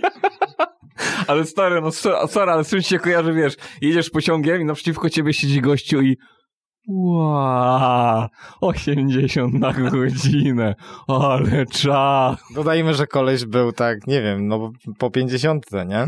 A, czyli po alkoholu też. Ale najciekawszy jeszcze jego komentarz, i tutaj faktycznie miał rację, e, jak wskazał, w innych krajach, typu Anglia i tak dalej, kupujesz sobie jakiś konkretny jeden bilet na pociąg i okej, jeden ci odjechał, wsiadasz do kolejnego, jedziesz. A w Polsce nie. Możesz to zrobić w pociągach, które nie są objęte rezerwacją miejsc. Okej, no a tam prawdopodobnie w każdym. Ale to... No, nie, nie wydaje mi się, że w każdym. No jak? No i teraz sobie wyobraź, że nagle 200 osób się spóźnia na pociąg i co? I 200 osób, osób wsiada do Jeśli jest innego? wolne miejsce, Potem trzeba zrobić jak w United Airlines dwa lata temu, że e, obsługa, jak było za mało miejsc, po prostu sprzedali za dużo biletów i potem wyciągali na siłę jakiegoś lekarza i go, no, Ale wiesz co, to o, czym, to, to o czym ty mówisz, to jest overbooking i overbooking e, jest tak samo spotykany w e, lotach europejskich. E, linie lotnicze zakładają, że e, sprzeda- sprzedają, nie wiem, 101, 102% miejsc, no bo e, fakty są takie, że często, często ludzie nie lecą z jakichś tam powodów. E, Ja podam mój przykład. Poleciałem kiedyś e, do Dortmundu z, z moim kolegą e, i wróciłem sam. kolega nie dojechał. Kolega, kolega pomylił pociągi właśnie na peronie i pojechał na inne lotnisko. E, To tak tutaj ta historia, ja sobie wyobraziłem taką sytuację, okej, mamy 102 pasażerów, 100 miejsc i pani stewardesa wychodzi z tyłu z dwoma rozkładanymi plastikowymi krzesłami i na środku na przejściu. I gracie w taką grę, że za trzech, dwa krzesła biegacie, jak przestanie grać muzyka? Czy to jest inna historia? No może być tak. Mówisz o overbookingu. E, Mi się zdarzyła taka sytuacja podczas lotu na Islandię, gdy nasze bagaże zostały w Katowicach, dlatego że samolot był za ciężki. Wszyscy pasażerowie mogli zostać, tylko że dowiedzieliśmy się dopiero na lotnisku w Reykjaviku, że sorry, ale no państwa bagaże dotrą tutaj aż za trzy dni. No i co? I zima. I zima, no dokładnie. Za dużo paprykarza szczecińskiego wziąłeś i konserwy turystyczne po prostu to nie wzięli. A zupki chińskie też swoje ważą. A propos tego, co mówiłeś, że twój kolega został w Dortmundzie, ja miałem ciekawszą sytuację, jeśli chodzi o zostawanie na lotnisku, bo kiedyś byłem w Barcelonie i pokazujemy tam bilety na bramkach i tak dalej i w każdym razie mam już tam 20 minut do, do lotu, czy 15, do, do zamknięcia tych bramek ostatecznych, no i gość nam mówi, że no, panowie tutaj nie wejdą na te bilety, bo to są bilety, byliśmy w Barcelonie, mieliśmy bilety z Katowic do Barcelony i wszystkie, wszystkie przesz, przeszliśmy przez całe lotnisko na biletach z Katowic do Barcelony. I on powiedział, no, że nie ma szans, że nas w ogóle wpuści. Więc musielibyśmy obejść całe lotnisko od nowa, no i byśmy nie zdążyli na ten, na ten lot. I musiałem się trzy godziny po prostu kłócić z, w sensie jakoś tak tłumaczyć, e, czy byśmy mogli dostać następny lot. Bo nawet jakbyśmy przyszli pół godziny wcześniej, no to jak byłby problem, żeby, żeby zdążyć. No i w końcu dostaliśmy tylko że za 8 godzin do Warszawy, więc sobie poczekaliśmy na lotnisku. A No to- tutaj tak każdy narzeka, może macie jakieś pozytywne takie sytuacje. Ej, gdzieś- przestań, to nie jest pozytywny podcast. To nie jest ten podcast, tutaj narzekamy, narzekamy Ja i jeszcze raz chciałem- narzekamy. Chciałem podrzucić właśnie jedną sytuację, która mi się zdarzyła, to może jestem jakimś wyjątkowym człowiekiem, czy coś w tym stylu, ale kiedyś yy, dwa lata temu Jechałem idąc, pociągiem i je- się nie spóźnił. Słuchaj, jechałem pociągiem, 40 stopni, gorąco jak cholera i nagle przychodzi taki pan z wózeczkiem, Deutsche Bahn, piwo zimne z lodówki. Normalnie w pociągu. No ale powiedziałeś magiczne słowo, Deutsche Bahn, Tak. a nie PKP. Nie, No, powiedziałeś tak, magiczne tak, słowo, tak. Deutsche. Das Auto. E, To tak z pozytywnych tydzień temu, jak wracałem z Warszawy, czy dwa tygodnie temu, to włączyła się klimatyzacja. I było chłodniej w pociągu, polskim pociągu, także to jest ta pozytywna historia. No jakby brak klimatyzacji w lato w pociągach to jest naprawdę totalny absurd. Dlatego ja zawsze staram się wybierać te bezprzedziałowe e, miejsca, bo tam jakby zawsze, Zawsze jest się możesz chłodniej. przytulić do kogoś. A właśnie nie, właśnie A, a, a bezprzedziałowe, okej. no, no, bo przedziałowe są jakby tam jest dużo bardziej gorąco, jeszcze jest jakaś babcia, która narzeka, że jej wieje na przykład, nie może otworzyć okna, więc na przykład parę godzin z zamkniętym oknem i jeszcze jakąś rodzinką, gdzie mama bije dzieci i na nie krzyczy, to też... I, a, a ojciec liczy, z jaką prędkością jedziecie. Przedsiębiorcy z wyboru. Podcast dla naznaczonych biznesem. Przejdźmy zatem do tematu naszego dzisiejszego odcinka, czyli przedsiębiorcze pokolenie płatków śniegu. E, Rozmawialiśmy już na ten temat w jednym z poprzednich odcinków, a, sk- a konkretnie z Kasią Jagieło, gdzie e, rozmawialiśmy o e, wszystkich pokoleniach, których jest w tej chwili cztery na rynku pracy. Tak tylko dla przypomnienia powiem, że to płatków śniegu to jest to najnowsze na rynku, czyli osoby, które urodziły się w okolicach e, roku 2000. E, I to są podobno osoby, które, no właśnie, przede wszystkim chcą zmieniać świat.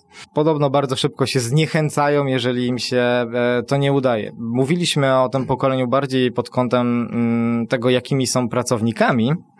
Natomiast pogadajmy o tym, jakimi są przedsiębiorcami. Mamy tutaj dwie osoby, które się jak najbardziej na to pokolenie łapią i właśnie jedna, e, to tak tylko zapowiem, Konrad, e, masz 18 lat, prawda? Tak jest. E, I już jest najbardziej, jednym z najbardziej rozpoznawalnych fotografów sceny hip-hopowej. Tak przynajmniej czytałem w jednym artykule. No może tak być. Okej. A ty, Przemek, z kolei e, wydajesz e, śląską grę planszową o przedsiębiorczości, tak? Możesz coś powiedzieć więcej? E, tak, wraz właśnie z organizacją Forum Młodych Regionalnej Izby Gospodarczej zamierzamy właśnie wydać całą grę planszową, która będzie, po prostu gracz będzie się wcielał w, w rolę prezesa spółki energetycznej i będzie tutaj u nas na Śląsku rozwijał po prostu swoją sieć e, energetyczną. I jego celem będzie, no co, robienie pieniędzy, tak, bo o to musi chodzić, ale no chcemy po prostu wydać y, grę normalnie i ją sprzedać, y, tak, by po prostu zarobić no, normalne pieniądze. A kto będzie grupą docelową ogólnie? Tutaj, no przede wszystkim to będą y, ludzie ci, którzy grają w y, gry planszowe, bo to jest bardzo ciekawa w ogóle grupa ludzi.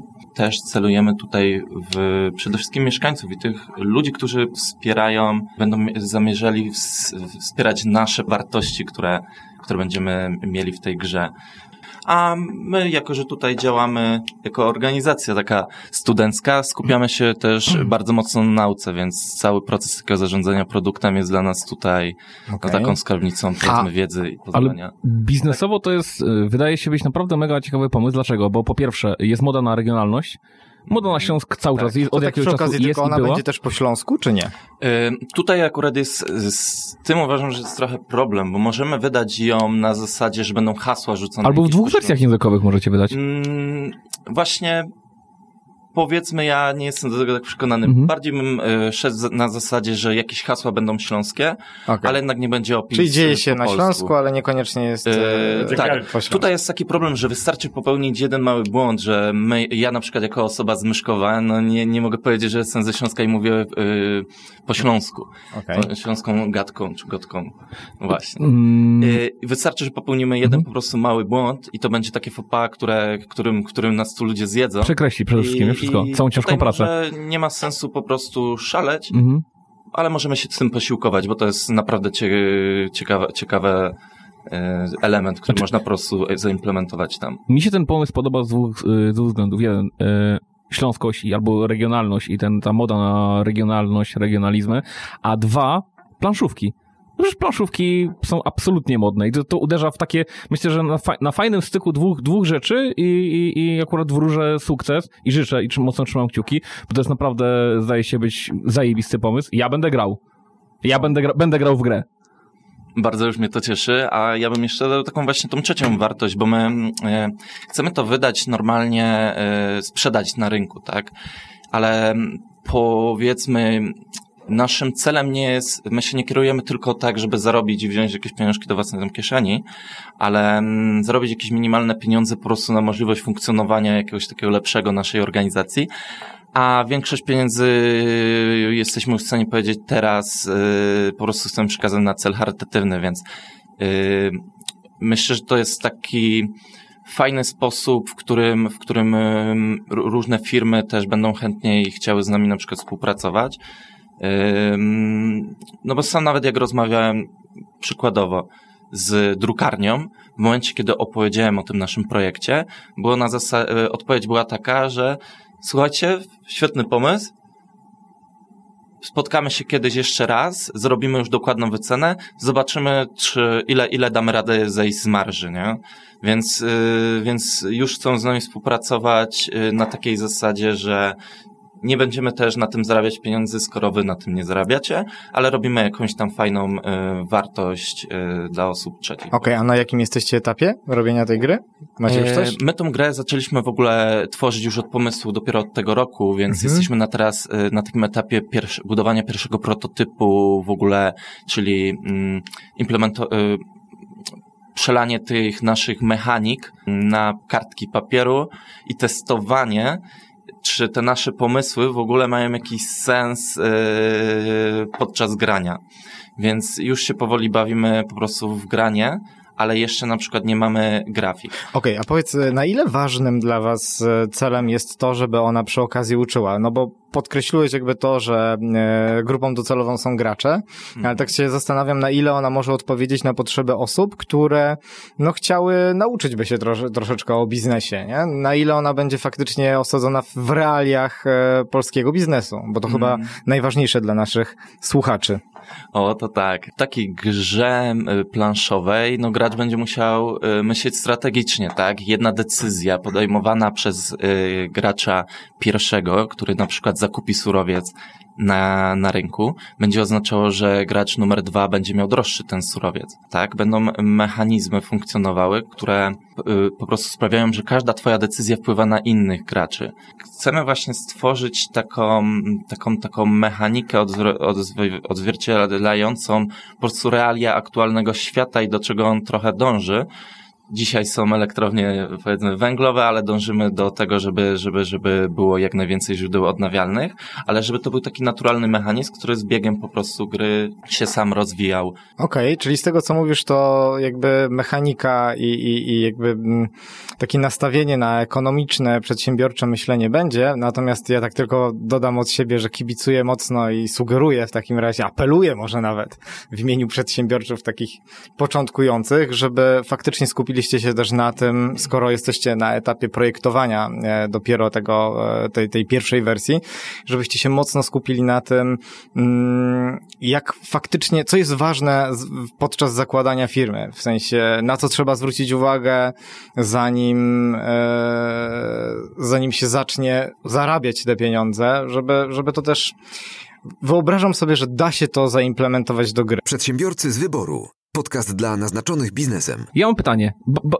jeśli mogę. I chciałbym, żeby goście odpowiedzieli e, w różnej kolejności, obojętnie. Pytanie brzmi, czy czujesz się absolutnie wyjątkowy? Czy czujesz się absolutnie Tak, czy wyjątkowy? czujesz się na, na rynku pracownika, jako pracownik, czujesz się absolutnie wyjątkowy? Myślę, że tak. No też uważam, że tak. U mnie też jest trochę prościej, bo jakby, jakby, jakby jeśli chodzi o bycie artystą, jakby jest prościej być wyjątkowym jako artysta niż Mhm. jako przedsiębiorca, co nie? W sensie O- jako taki typowo Jasne. właśnie... Nie, bo właśnie Kasia o tym wspominała, że to pokolenie płatków śniegu y, w, jako punkt pierwszy czują się na tym rynku absolutnie wyjątkowi i właśnie ciekawiło mnie, czy, czy można gości zakwalifikować do tego pokolenia, czy nie. No, utwierdziłem się, że tak, fajnie, bo, bo, bo znaczy, że, że, że dobrze trafiliśmy z doborem, z Teraz doborem jestem gości. ciekawy, czy ty na przykład się czujesz wyjątkowy na rynku pracy? Nie? Nie, no wykonuję zawód, który wykonują tysiące innych osób. Mam kwalifikacje, które są podobne do tysięcy innych osób. E, ja staram się być wyjątkowy, staram się, e, staram się uwyjątkowić, jeżeli takie słowo jest, ale czy, czy jestem wyjątkowy? Uważam, że per se nie jestem wyjątkowy. Właśnie to, co przytoczyliście na początku, że każdy marzy o tym, żeby właśnie zmienić świat i tak dalej. No ja myślę, że to jest bardzo prawda, w sensie każdy bardzo chce mieć to takie, żeby być ważny dla świata i właśnie zrobić coś takiego specjalnego i właśnie tą wyjątkowość. Ale to jest właśnie motywacja, taki motor w ogóle napędowy do działania, nie wiem, idąc do pracy na etacie, czy będąc przedsiębiorcą, potrzebuję zawsze tej motywacji po prostu do działania. To tak odbieram tą, tą, tą powiedzmy swoją wyjątkowość, o której tutaj wspomnieliśmy tak ogólnie. Mhm, Okej, właśnie, motywacja do działania. A znowu pytanie do naszych gości. E, po jakim czasie jesteście w stanie ocenić, czy projekt, który realizujecie, ma sens albo nie? Jakie sobie dajecie ramy czasowe? Czy to są e, dni, tygodnie, lata? Tak, że coś zaczynacie robić i stwierdzacie, ok, to jest fajne albo to jest niefajne. Co się mówisz o takim projekcie typu jakaś sesja na przykład u mnie, w moim No, przypadku? na przykład, no, rzeczy, które, za, za które się bierzecie, prawda? E, no, akurat tu, tutaj w wypadku jednego gościa gra, no w twoim wypadku jakaś tam sesja, tak? Czy to było fajne, czy nie fajne? No u mnie to są bardziej takie, tak mniejsze ramy czasowe, nie? W sensie, jeśli jest, jest jakaś sesja, to jakby ten pomysł nie jest zrodzony na przykład dwa lata wcześniej, nie mam planu na nią, wiesz, który realizuję przez ileś tam lat czy miesięcy. No i ja już widzę jakby podczas tej sesji, czy to jest to, co chciałem i czy to jest to, co wyjdzie. Mhm. Ja właściwie mam tak, że bardzo długo się zastanawiam przed podjęciem decyzji jakiejkolwiek. Wydaje mi się, że dosyć często, jak już podejmuję jakąś decyzję do działania, to jestem już tak mocno zmotywowany, że się do tego, do tego wreszcie zabrałem. Bo na przykład z tą grą planszową było tak, że już dawno, dawno temu pomyślałem sobie, że można było coś takiego zrobić, a po prostu tutaj w forum zdarzyła się taka okazja do tego. Więc y, rzuciłem pomysł, został przychylnie y, przyjęty i bardziej idę takim tropem.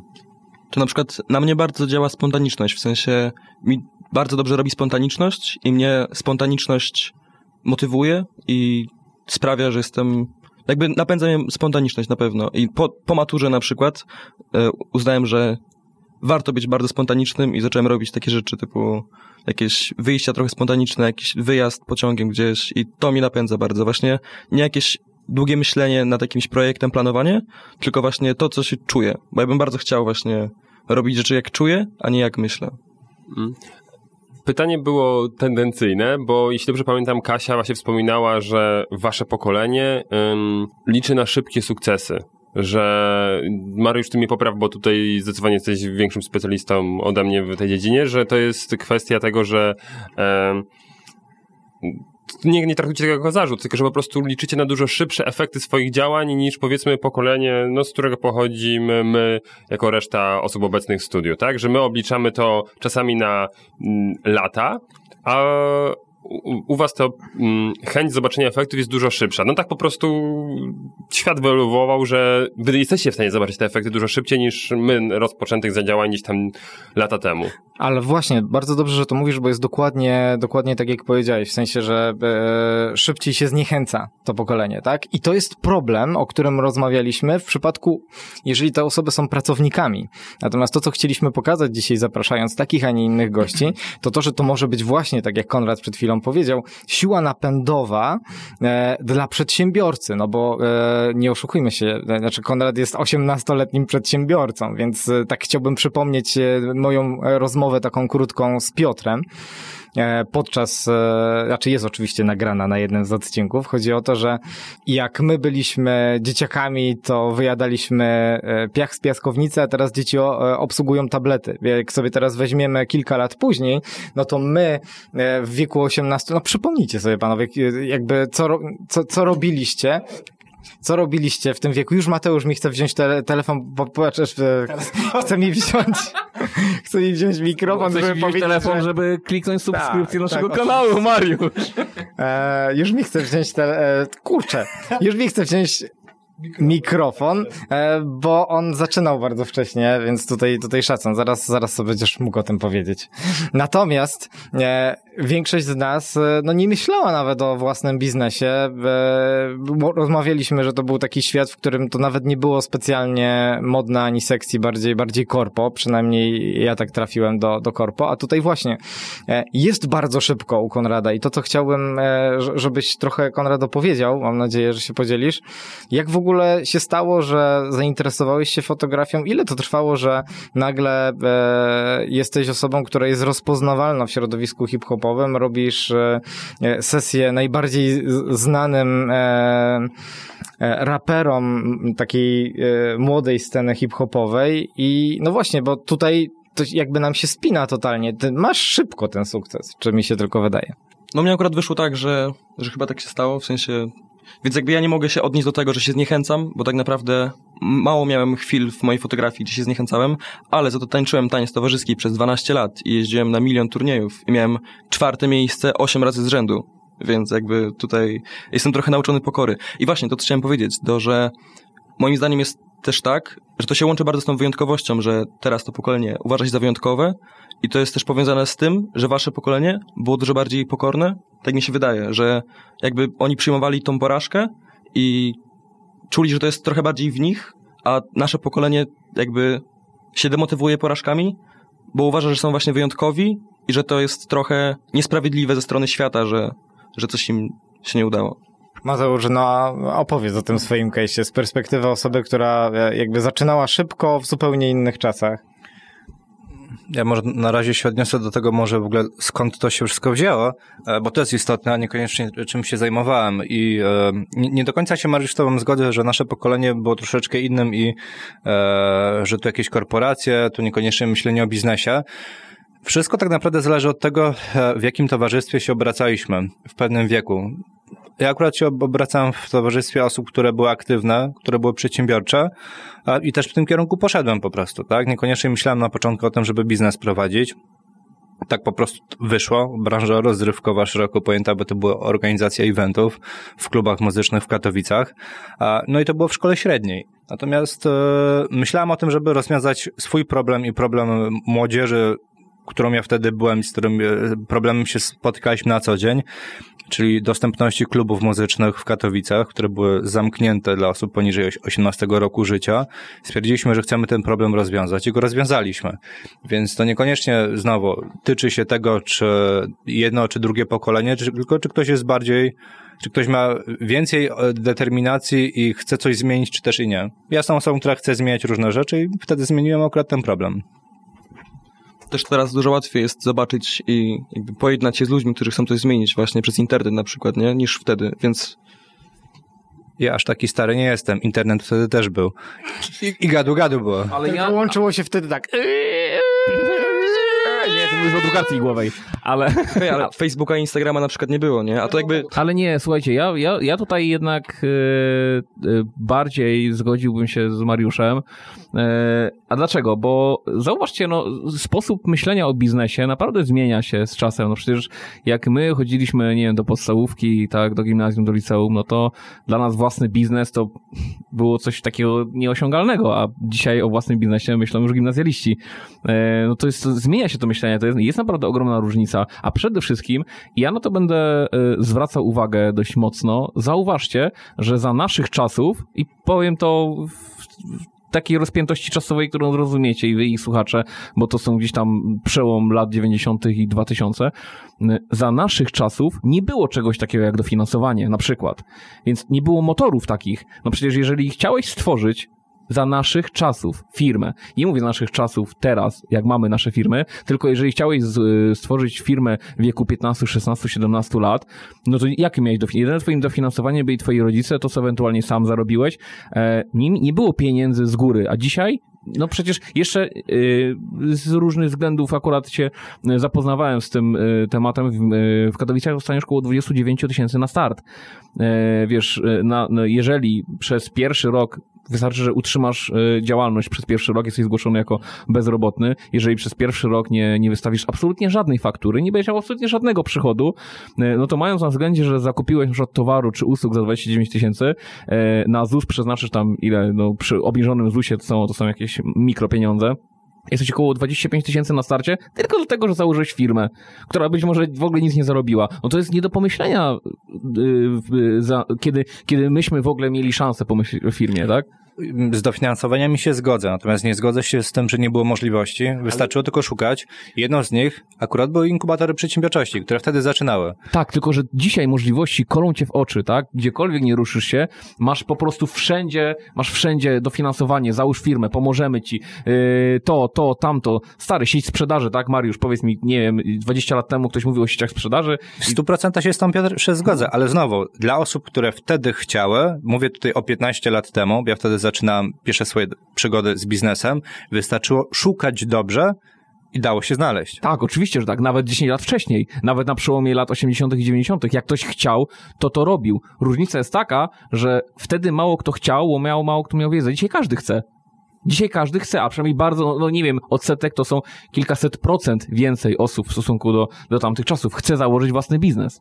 Ale teraz ten problem też jest, sorry jeszcze, y, teraz ten problem to, co powiedzieć, że teraz każdy chce, bo koli go na prawo i lewo w, nie wiem, możesz wszystko i tak dalej i, i, i coache są wszędzie, w ka każdy kanał, na każdym, e, na każdym e, medium internetowym pojawiają się informacje, że jeśli tylko chcesz, to możesz, my ci w tym pomożemy, przyjść na kurs, zapłać za, kurs online albo na spotkanie i w tym momencie będziesz taki przedsiębiorcą jak my i bez tego, że nie musisz nic innego robić. No i to, to jest pewien problem, nie? Bo y, spotykasz się, ja spotykam się często z y, takim sformułowaniem, że każdy może założyć biznes i każdy może osiągnąć sukces. I to już y, No właśnie. chciałem wszystkich sprowadzić na ziemię. może. Gówno prawda. Dokładnie. Nie każdy może. Nie każdy może. Mm.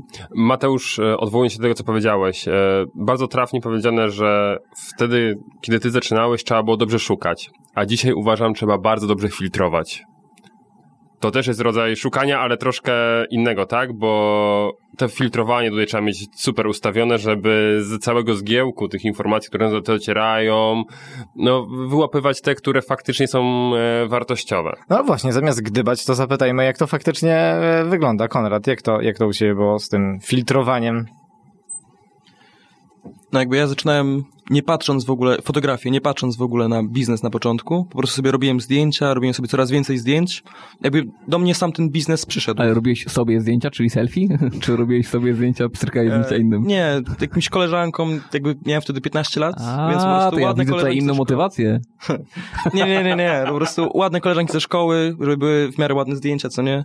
I ja w ogóle, dużo ludzi pyta mnie, jak ja zacząłem robić zdjęcia. Ja po prostu robiłem zdjęcia, jak mam połączone konto Google od 2010 roku i widzę zdjęcia z 2010 roku, wykonane telefonem, na przykład 300 zdjęć z wystawy psów. Jakby zawsze robiłem dużo, dużo zdjęć. Potem tata uznał, że a, fajny jest aparat z Olixa, fajna przecena, to mi kupi.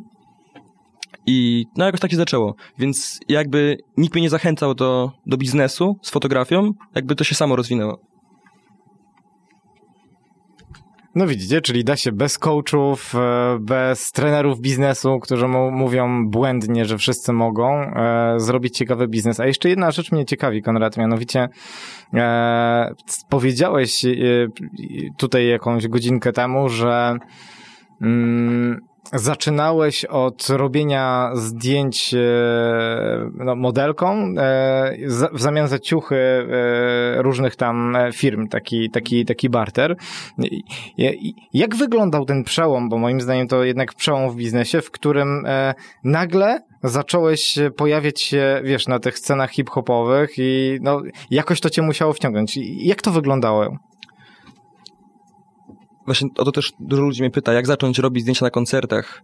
I po prostu to się wzięło z tego, że ja robiłem bardzo, bardzo dużo zdjęć ludziom i przez znajomości pewien redaktor takiego jednego z największych portali rapowych szukał kogoś na fotografa koncertu i po prostu zapytał się swojej przyjaciółki, czy może nie zna kogoś, kto robi zdjęcia i ona akurat chodzi ze mną do szkoły i też jej robiłem kiedyś zdjęcia i tak to się stało. Byłem na koncercie, zrobiłem zdjęcia, podobały się zdjęcia, no i potem to się popycha dalej. Jesteś na kolejnym koncercie, łapiesz kontakty i tak to wychodzi.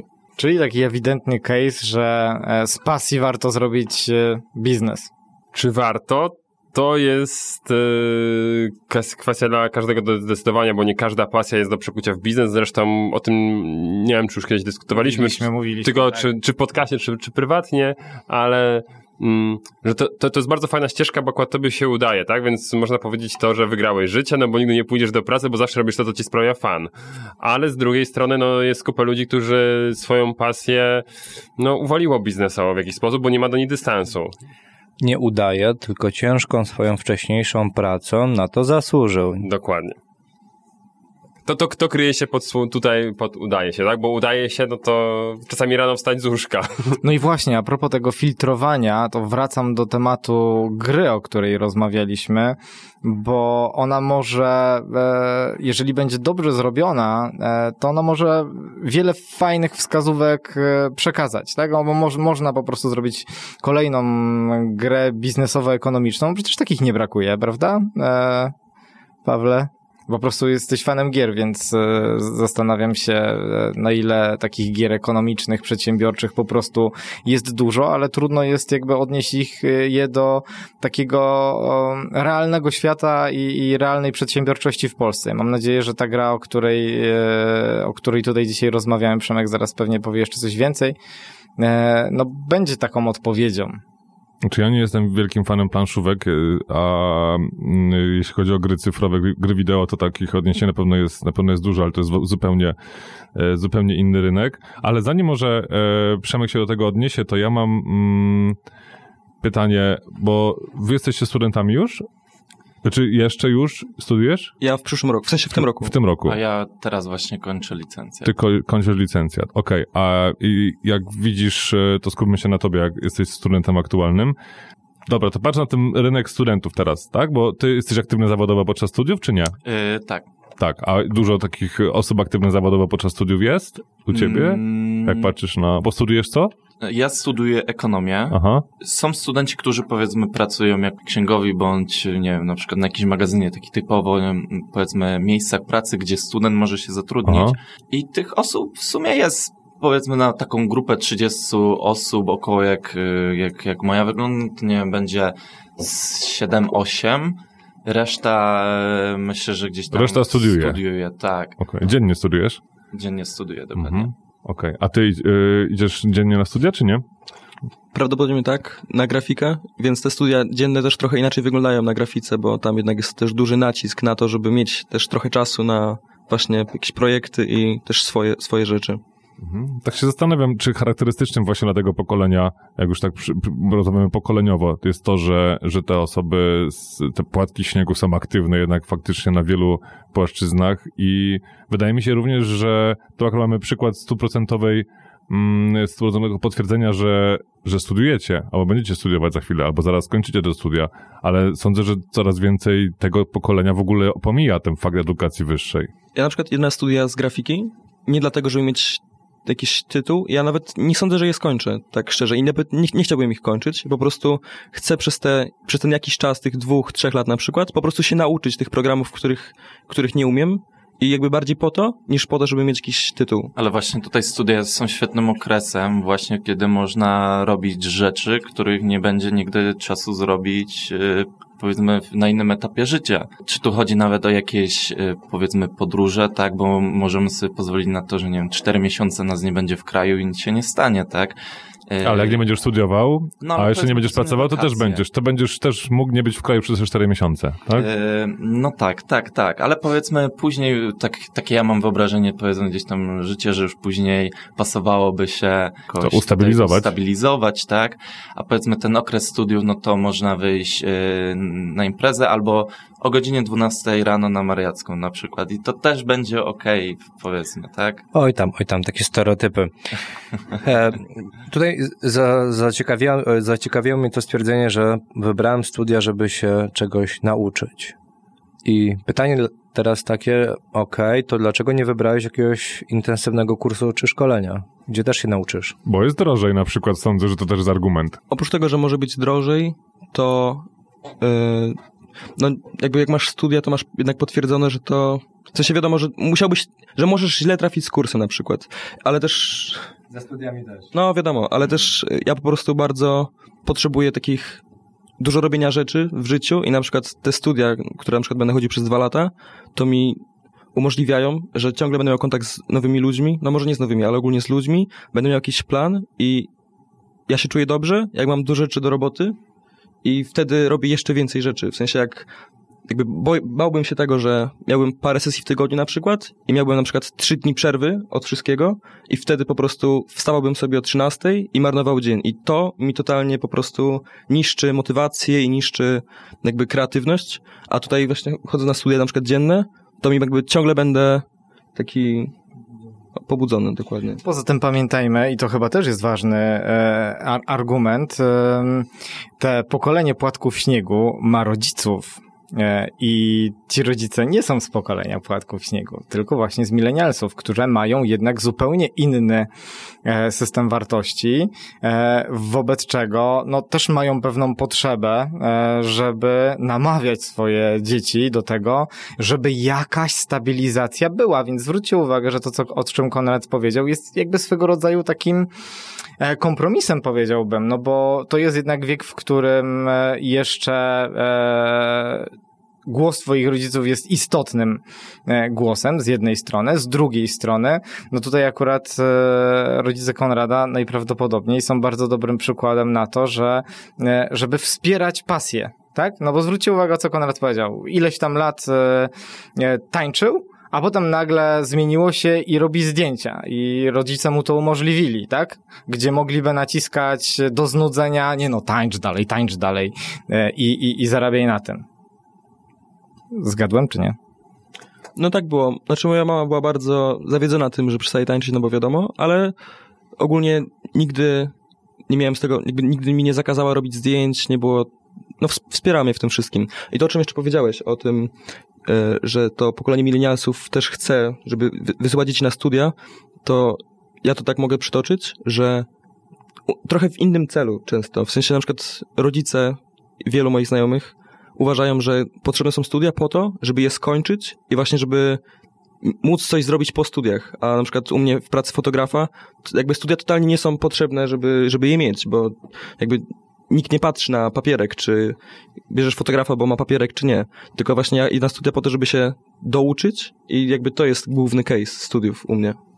Ja jako milenial z, z, dziećmi marzę, ich bardzo chciałbym, oczywiście droga wolna dla moich dzieciaków, ale żeby one jednak po skończeniu edukacji tej, która jest wymagana w prawie, wyjechały najlepiej gdzieś za granicę na jakiś czas. Jak wrócą, to mogą zacząć studia, a jak nie wrócą, to mogą zacząć tam a jak nie wrócą i nie zaczną, to już będę szczęśliwy. Wiesz co, ale to jest właśnie ta różnica pomiędzy milenialsami, którzy wylądowali w korpo, a milenialsami, którzy są przedsiębiorcami, a ja tutaj jestem idealnym przykładem, no bo ja przez wiele lat jednak w tym, w tym korpo byłem i to moje myślenie o tym, żeby mieć jakiś taki element zaczepienia, on, on naprawdę był bardzo ważny i mam wrażenie, że nadal jest ważny. Ja nadal potrzebuję mieć jakiegoś większego klienta, który daje mi pewną stabilizację. Wiesz, jakby nie godzę się na to, żeby mieć taki totalnie biznes rozwalony na zasadzie, a teraz jest, teraz nie ma, teraz sobie robię to, teraz sobie robię tamto.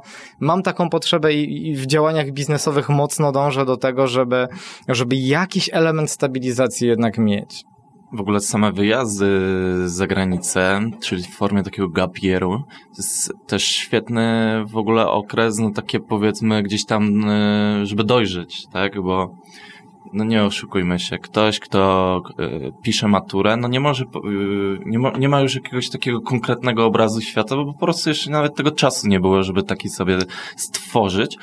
Y, oczywiście są osoby, które, którym to przychodzi troszkę szybciej, troszkę, a innym troszkę później, ale na przykład w moim przypadku wyglądało to tak, że poszedłem na trzy miesiące albo dwa na studia, nawet niedaleko stąd, bo mechatronikę zacząłem studiować na Uniwersytecie Śląskim. Mieszkałem tutaj w Sosnowcu. No ale stwierdziłem, że to jest po prostu coś, czego ja nie chcę robić. Po prostu naczytałem się w internecie o tym, dostałem się na te studia, no ale nie chcę tego robić. No i stwierdziłem, zróbmy coś fajnego. Dogadałem się z kolegą, pojechaliśmy do e, Amsterdamu. Mieszkaliśmy tam e, właściwie pod Amsterdamem, bo e, miejscowości Alkmaar i pracowaliśmy w e, Amsterdamie. No i był to taki okres, w którym rzucamy się na taką e, głęboką wodę, że jesteśmy teraz sami, no i trzeba jakoś żyć i po prostu zrobić coś fajnego przez ten okres. Staraliśmy się też jak najwięcej tam jeździć, zwiedzać jakichś miasteczek, mniejszych, większych, po prostu poczuć takie, taką swobodę i zastanowienie się, co zrobić dalej. No to moim pomysłem, co zrobić dalej, było odwiedźmy inne miejsce. I udałem się w, no właśnie na Bawarię, gdzie znalazłem bardzo ciekawą pracę, bo w Audi, w fabryce Audi w Ingolstadt.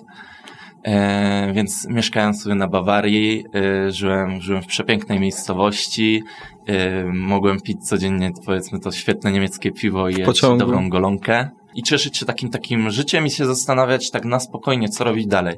No i powiedzmy taki, takie, takie uporządkowanie y, swoich myśli przez ten rok, przy czym zarabiałem jeszcze pieniądze, y, powiedzmy już w Niemczech dosyć, y, dosyć nawet fajne tam już powiedzmy kwoty, ale robiłem nadal rzeczy, których nie chcę robić cały, cały czas. Wróciłem do Polski, zacząłem studiować, ale praktycznie co wakacje wyjeżdżałem. No to będą właśnie moje pierwsze wakacje chyba od czterech lat, gdzie zostaję po prostu w kraju. W sumie jest to trochę teraz takie dla mnie dziwne, no bo jednak już się zacznie tak podróżować, wyjeżdżać, bardzo fajnie do tego po prostu człowiek przywyka i, i, i chce więcej. E, Popatrzcie, to jest znowu taki przykład, to o czym teraz powiedziałeś, na to, że teraz e, no, to pokolenie jest znacznie bardziej elastyczne. A poza tym ja mam takie przemyślenie, panowie, e, czy się ze mną zgodzicie, czy nie, jestem ciekaw. Mianowicie, mm, tak jak besztaliśmy system edukacji ogólnie i, i tam jest jeszcze dużo do zrobienia, to myślę, że w jednym się bardzo zmienił i pomaga. Chodzi mi o studia dzienne i czas, który się na tych studiach dziennych spędza.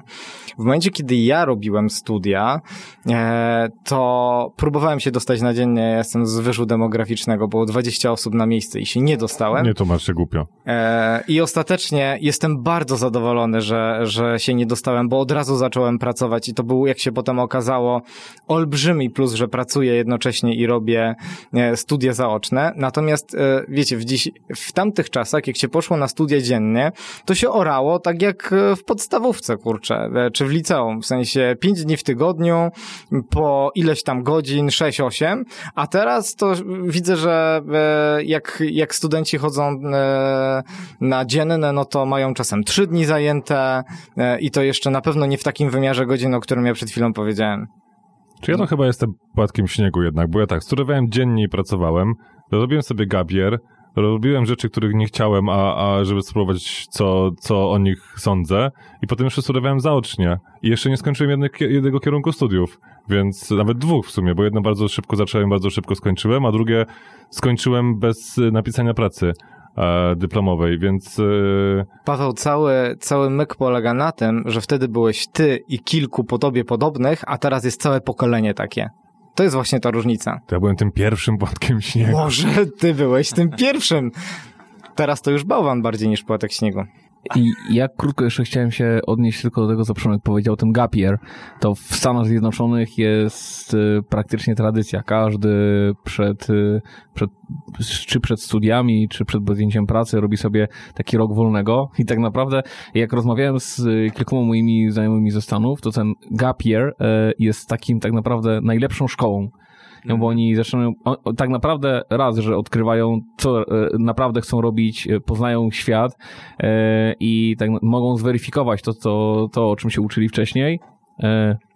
Po, podróżować trochę, naprawdę, bo to jest, to jest nieocenione doświadczenie i tak naprawdę jest ogromna różnica pomiędzy tymi ludźmi, którzy wzięli sobie gapier i mówi się tak, dobra, jesteś rok w plecy. Nie, jesteś teoretycznie rok w plecy, ale znacznie więcej wiedzy praktycznej do przodu. Piotrze, a przypadkiem czy na podstawie tego gapiera, o, której o którym ty mówisz, nie, pod, nie powstała fabuła filmu Eurotrip? Tak, tak, chyba tam oni też, też mieli gapier. No, jeden z nich nawet pracował w kancelarii, nie wziął wolnego i cały czas pracował, będąc na tym Eurotripie. To strasznie śmieszne, ale, ale nie, nie wiem, czy realne, ale może komuś się udało. Jakkolwiek w takim razie e, nie spojrzeć na ten e, temat, o którym dzisiaj e, sporo powiedzieliśmy, no to myślę, że jedna rzecz się spełniła. Pokazaliśmy osoby, które są z tego młodego pokolenia i pokazują, że można myśleć przedsiębiorczo i te wady czy ograniczenia, o których e, mówiliśmy w jednym z odcinków Płatków Śniegu, wcale nie są takimi wadami i ograniczeniami, bo mogą być bardzo dużym atutem, jeżeli tylko będą dobrze wykorzystane. Przedsiębiorcy z wyboru. Podcast dla naznaczonych biznesem. Chciałoby się teraz powiedzieć That's all folks, tak jak w starych kreskówkach. E, Zatem zmierzamy do końca dzisiejszego odcinka, już 12 jeśli dobrze liczę, podcastu Przedsiębiorcy z Wyboru. Pamiętajcie, żeby e, zostawiać łapki w górę, subskrybować, a jak nie będziecie subskrybować, to was Piotr złapie i będzie subskrybował na waszych telefonach. Piotr macha tutaj, że tak, potwierdza jak najbardziej. E, zapraszamy was do, do zostawiania komentarzy. Pod e, linkami na Facebooku, tak żebyśmy mogli z Wami oczywiście dyskutować. Z chęcią się odniesiemy. E, Rzutem na taśmę chciałem jeszcze podziękować e, Dominikowi za super recenzję podcastu, którą ostatnio otrzymałem na żywo, także mm, gorące pozdrowienia dla Dominika. I, i, tymi słowami myślę, że możemy rozpocząć kącik podziękowań.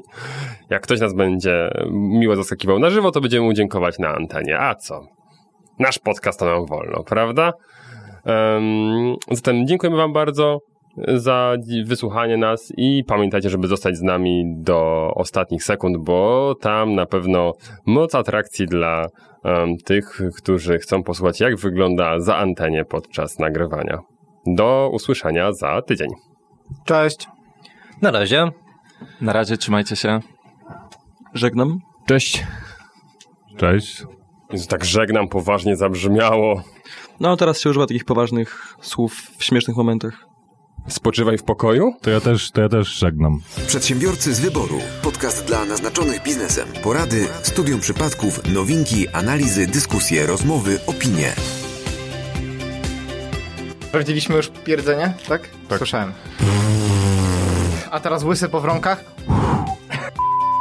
No to ładnie się zaczyna. Ładnie, ładnie, ładnie, nam się, ładnie nam się pan tutaj przedstawił przed milionami słuchaczy. Dzień dobry, drodzy słuchacze. Witamy w dwunastym odcinku podcastu Przedsiębiorcy z wyboru. Wy te... Wytem. wy... wy... Nie, nie. Jaki pan redaktor Mike w ogóle, ja pierdolę. Nawiązać do O, tylko kozaczy tutaj. Dzień dobry, drodzy... Kurwa. Dobra. Michał, nie stresuj się. E, nie, spoko. Nie stresuj się. Dzień. Dzień. Dzień. Dzień. Michał, za bardzo się czu, wczu, wczułeś w rolę prowadzącego. Ostatnio w jednym z od- z ostatnich... Mateusz, Mateusz. Co ostatnio na... Fajkę przełóż. To... Jak fajnie wychodzi, to można pociągnąć zawsze. Ja to pierdolę i wychodzę. Nie będę z nami tutaj siedział. Dobra, no to nareszcie. Chujem wieje, chujem wieje. Ty tu... Tak? Ty tak robisz tutaj takie rzeczy? O kurwa. Kurwa. Wsiadaj, królu złoty. Kochanieńki, a te adidasy to oryginalne? Panie, Adidas z trzema paskami, popatrz, widzisz? Jeszcze teraz robią takie. Kurwa, już wyszły. Gotowi wszyscy? Jedziemy na maksa, stary. Jedziemy, Zakładam kominiarę i jadę na ostro. Ważka G. Wiesz o co chodzi. To on, wasz KG wymyślił Supreme. Ale pizzę. A, jeszcze nie było testu przedsiębiorcy. Test przedsiębiorcy. O teście przedsiębiorcy. Kogo czego? Testów przedsiębiorcy. O! Test przedsiębiorcy. Wołacz to był, jakby ktoś O, teście przedsiębiorcy. O, wielki teście przedsiębiorcy. Zaczyna się, kurwa, zawsze jak ja mówię. Wy jesteście, od, wy jesteście odporni po prostu na inteligentne tematy, naprawdę. E, dobra. E, Co dobra. dobra, dobra, dobra. Tyry. Dobra, dobra, dobra.